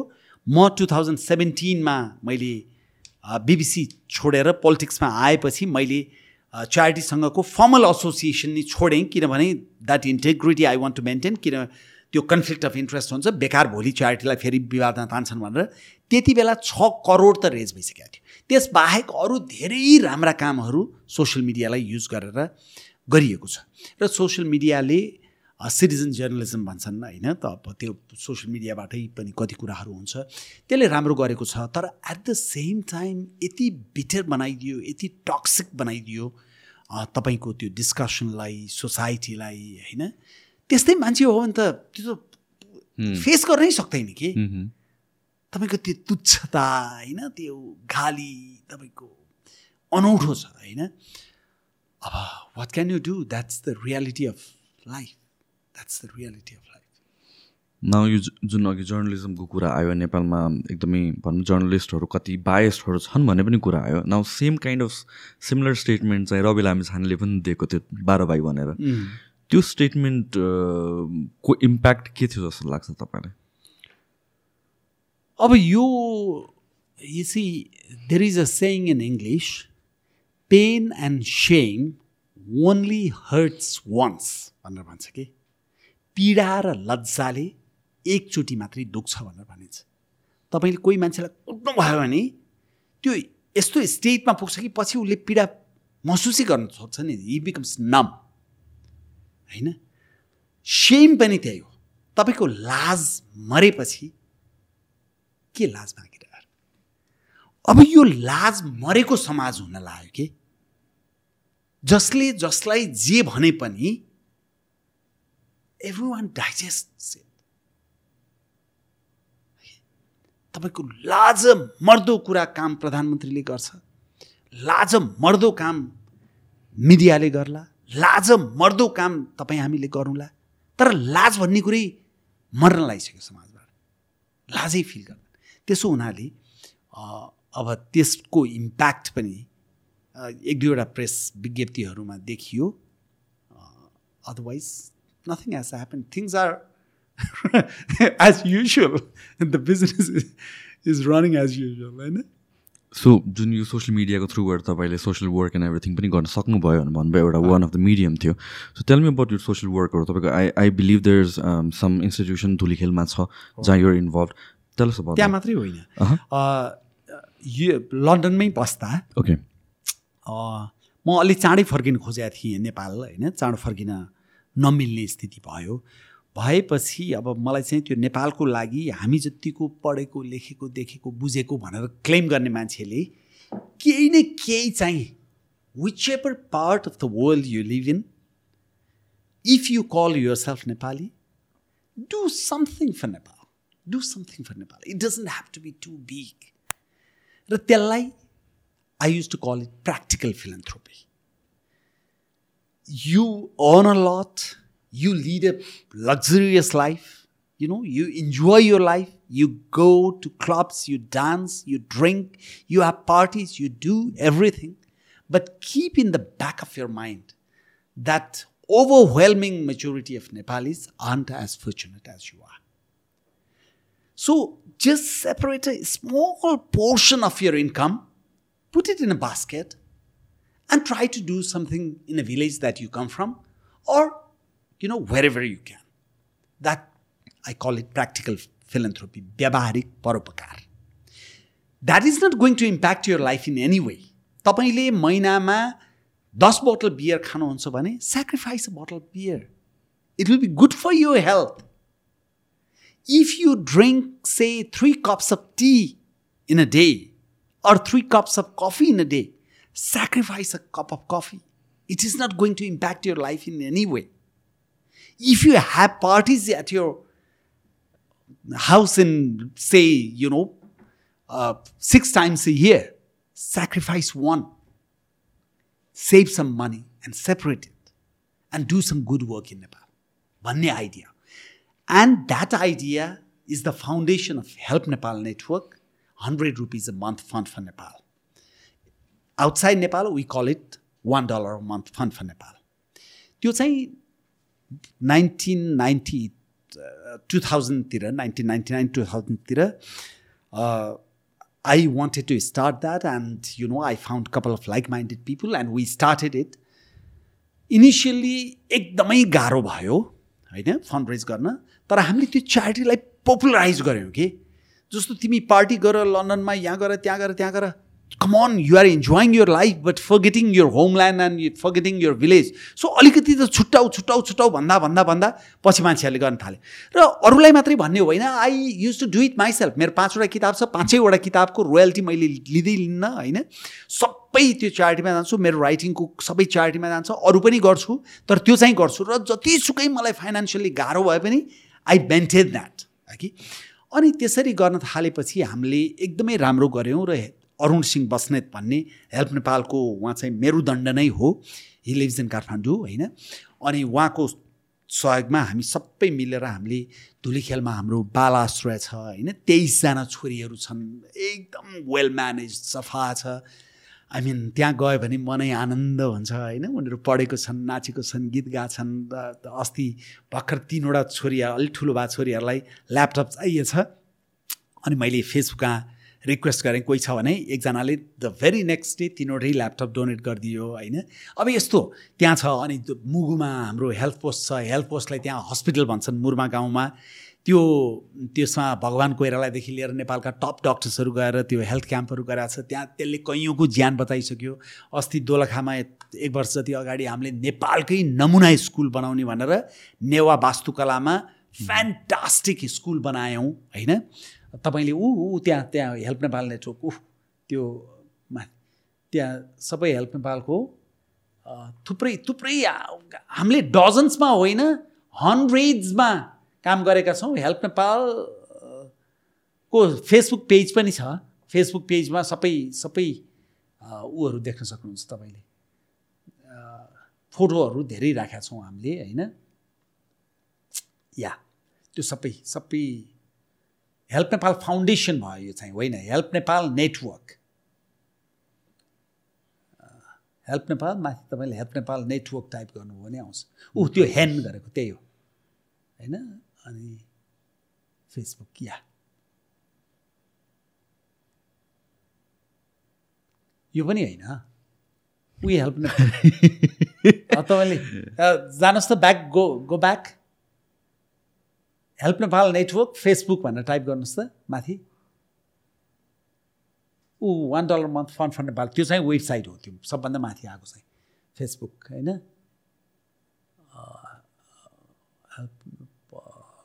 या। इज नट अभाइलेबल भन्नु भन्छ। कसरी नआएको त्यो? त्यो होइन त्यो होइन। त्यो होइन। वेबसाइट नै हेरौँ न त। वेबसाइटमै होइन त। जानुभयो भने हुन्छ। वेबसाइट नै जानु पऱ्यो यो हो? या। ओके। या ऊ त्यो ऊ त्यो हेल्प नेपाल मुभ. होइन? ओके। त्यो तल पनि छ फोटोहरू त्यहाँ ग्यालरीहरू होला सबै होइन। We have done lots of good works होइन? एन्ड वान थिङ नेपालमा there are more than fifty thousand non governmental organisations virtually all of them, exceptions apart, they run from the funds raised by, given by foreigners. Help Nepal ko whole idea is Nepalis should do for Nepal, first of all, and then if you can't do it with the funds from Nepalis, then only you take support from others. त्यसो हुनाले यहाँ तपाईँले जे। जति देख्नु भएको छ नि दिस इज स्क्रल गर्दा तल all funds raised by Nepalis living in different parts of the world. Chart, अघि नेटवर्कहरू भनेर देखाएको थियो कि? मैले त्यो हेर्नु खोजेँ अब? मेन मेन पेजमै थियो। होम पेजमा थियो कि? होम पेजमा यो सबै यो जुन आवर नेटवर्क हो, भन्नु भने चाहिँ सबै नेपालीहरू नै हो सबै डिफ्रेन्ट कन्ट्रिजको ओके होइन? ओके अनि नेपाली नेपाली मिलेर गर्छौँ कि हामी। So, वाउ uh, र- we are the largest charitable network of Nepalis living around the world. कि? And we have done brilliant works यति राम्रो राम्रो कामहरू गरेको छौँ होइन? र सबै नेपालीले रेज गरेको पैसाबाट। अघि मैले इन्डाउमेन्ट फन्डको कुरा गरेँ नि छ करोड रेज भएको। त्यो सबै नेपालीले दिएको पैसा। नाउ नाउ यो जुन फन्ड्सहरूको कुरा आउँछ जब त्यहाँ क्वेसन्सहरू आउँछ कि आउँदैन मान्छेहरूको। What are you doing with funds भन्ने कुरामा? तपाईँले यो त हेर्नुहोस् यो सोसाइटी भनेको त कस्तो सोसाइटी हो भने नि तपाईँ राम्रो काम गर्नुहोस् पाइला पाइलामा मैले राम्रो काम गरेको हुँ है भन्दै तपाईँले प्रमाणित गरेर जानुपर्छ। तपाईँ नराम्रो काम गर्नुहोस्। No one is going to ask you this is the kind of society we live in यो काम गर्दा एउटा पोइन्टमा टु थाउजन्ड सिक्सटिनमा के भयो थाहा छ? मह चाट्नेले हात चाटिहाल्छ नि। मह काट्नेले हात चाटिहाल्छ नि। भनेर रविन्द्र मिश्रले चाहिँ गरिब नेपालीबाट उठाएको पैसा चाहिँ हिनामिना गर्यो भनेर तपाईँको भर्र न्युज आयो हेर्नुहोस् होइन? यस्तो गर्यो यस्तो गर्यो हामीले काभ्रेमा नौवटा प्राथमिक विद्यालयमा ग्रेट टिचिङ भनेको कसरी सानो बच्चाहरूलाई कन्फिडेन्ट बनाउने उभिएर बोल्न सक्ने बनाउने उनीहरूलाई एकदम क्रिएटिभ बनाउने टिचर्सहरूले कसरी त्यसरी पढाउने भनेर हामीले एउटा ट्रेनिङ गऱ्यौँ ट्रेनिङ कोसँग मिलेर गऱ्यौँ त भने यो चिल्ड्रेन्स तपाईँको एजुकेसनमा एकदमै राम्रो काम गरिराखेको रातो बङ्गाला फाउन्डेसनसँग मिलेर गऱ्यौँ रातो बङ्गाला फाउन्डेसनलाई हामीले दिएको जम्मा पैसा कति त भन्दा चार लाख छयानब्बे हजार रुपियाँ जम्मा र त्यसमा पनि हामीले सर्त के राखेको भने यसबाट एक पैसा पनि एडमिनिस्ट्रेसनमा खर्च गर्न पाइँदैन। किनभने द्याट इज आवर रुल हाम्रो त एडमिनिस्ट्रेटिभ फन्ड नै फरक छ हाम्रो च्यारिटेबल फन्ड फरक छ एडमिनिस्ट्रेटिभ फन्ड फरक छ। किनभने च्यारिटीबाट तपाईँले तलब खान थाल्नुभयो भने that doesn't be remain a charity that becomes a profession to earn your living भन्ने हामी क्लियर छौँ जम्मा चार लाख छयानब्बे। बाँकी पैसा सबै उनीहरूले खोजेर ल्याएर फ्यान्टास्टिक ट्रेनिङ भयो। यहाँ पत्रिकाहरूमा के निकालिदियो त? रविन्द्र मिश्रले गरिबबाट उठा पैसा रातो बङ्गाला फाउन्डेसनलाई दियो खायो भनेर गरे बिहानै उठ्यो गाली बेलुकै गाली तपाईँको खुला पत्र यो त्यो त्यो त्यो त्यो त्यो अति भएपछि म सामान्यतया बोल्दिनँ अति भएपछि त्यहाँबाट मैले सेतो पार्टीमा मेरी आमाको कसम। अहिले पनि if you search that article you will find it र त्यो आर्टिकल मेरो उसमा पनि छ। मेरो खान पुगोस् दिन पुगोस् किताबमा पनि छ। खान पुगोस् दिन पुगोस्। होइन? किताबमा पनि छ। त्यो मैले आमाको मुख हेर्ने दिनमा मेरी आमाको कसम भनेर एउटा एसे लेखेँ र यो सबै कुरा बयान गर्दै गएर मैले लास्टमा के लेखेँ भने आजसम्म मैले एक पैसा भ्रष्टाचार गरेको भए र परोपकारको नाममा उठाएको पैसाबाट एक पैसा त के आधा पैसा पनि हिनामिना गरेको भए मेरी आमाको रगत पिए बराबरको पाप लागोस् र आज आमाको मुख हेर्ने दिन हो र म आमाको मुख हेर्ने दिनमै भन्न चाहन्छु मेरी आमाको रगत पिए बराबरको पाप लागोस्। र कसैले मलाई आरोप लगाउने व्यक्तिले पनि त्यसै गरी मैले कहिले एक पैसा भ्रष्टाचार गरेको छैन भनेर कसम खान सक्छ भने उसँग म चित्त दुखाउँदिनँ उसलाई म सम्मान गर्छु भनेर I ended that article after that it subsided bit यस्तो गाह्रो छ यस्तो गाह्रो छ। हेर्नुहोस् मान्छेले मेरो हातमा यहाँ दिल्ली बजारमा एकजना साठी पैँसठी वर्षको महिला हुनुहुन्थ्यो। उहाँले युट्युबमा मेरो भाषण सुनेर अरू के के हेर्नुभयो प्रभावित भएर मेरो नम्बर खोजेर घरमा बोलाएर थैलीमा राखेर मलाई दस लाख रुपियाँ दिनुभयो। आजसम्म उहाँले मलाई त्यो पैसा के गरिस् भनेर सोधेको छैन। मलाई सिद्धार्थ राणा जो यहाँको रिच एन्ड फेमससँग हबनबिङ गर्नुहुन्न मिसिनुहुन्न तर consistently for the last six seven years he is the highest tax payer in Nepal individually and with his company as well he doesn't तपाईँले यहाँ यताउता ठुल्ठुलो पार्टीमा भेट्नुहुन्न उहाँलाई। You know on the second meeting he didn't even know about me on our second meeting उहाँले मलाई एक करोड दिनुभएको टु थाउजन्ड टेनमा एक करोड र उहाँले मलाई आजसम्म त्यो पैसा के गरेस् भनेर सोधेको छ त्यो ट्रस्ट र त्यो इन्टेग्रिटीमा काम गरेको मान्छे हुँ कि म त्यसै भएर त मलाई यो त्यही तथा नाम गर्दा यिनीहरूले हल्लाउनु पनि सक्दैन अनि आई मेन्टेन त्यसो हुनाले हेल्प नेपाल हामीले त्यस्तो गरेर हो यो आर्टिकल निकाल्नु भयो तपाईँले? हो। हो त्यही हो। कि हेडलाइनमा जाउँ न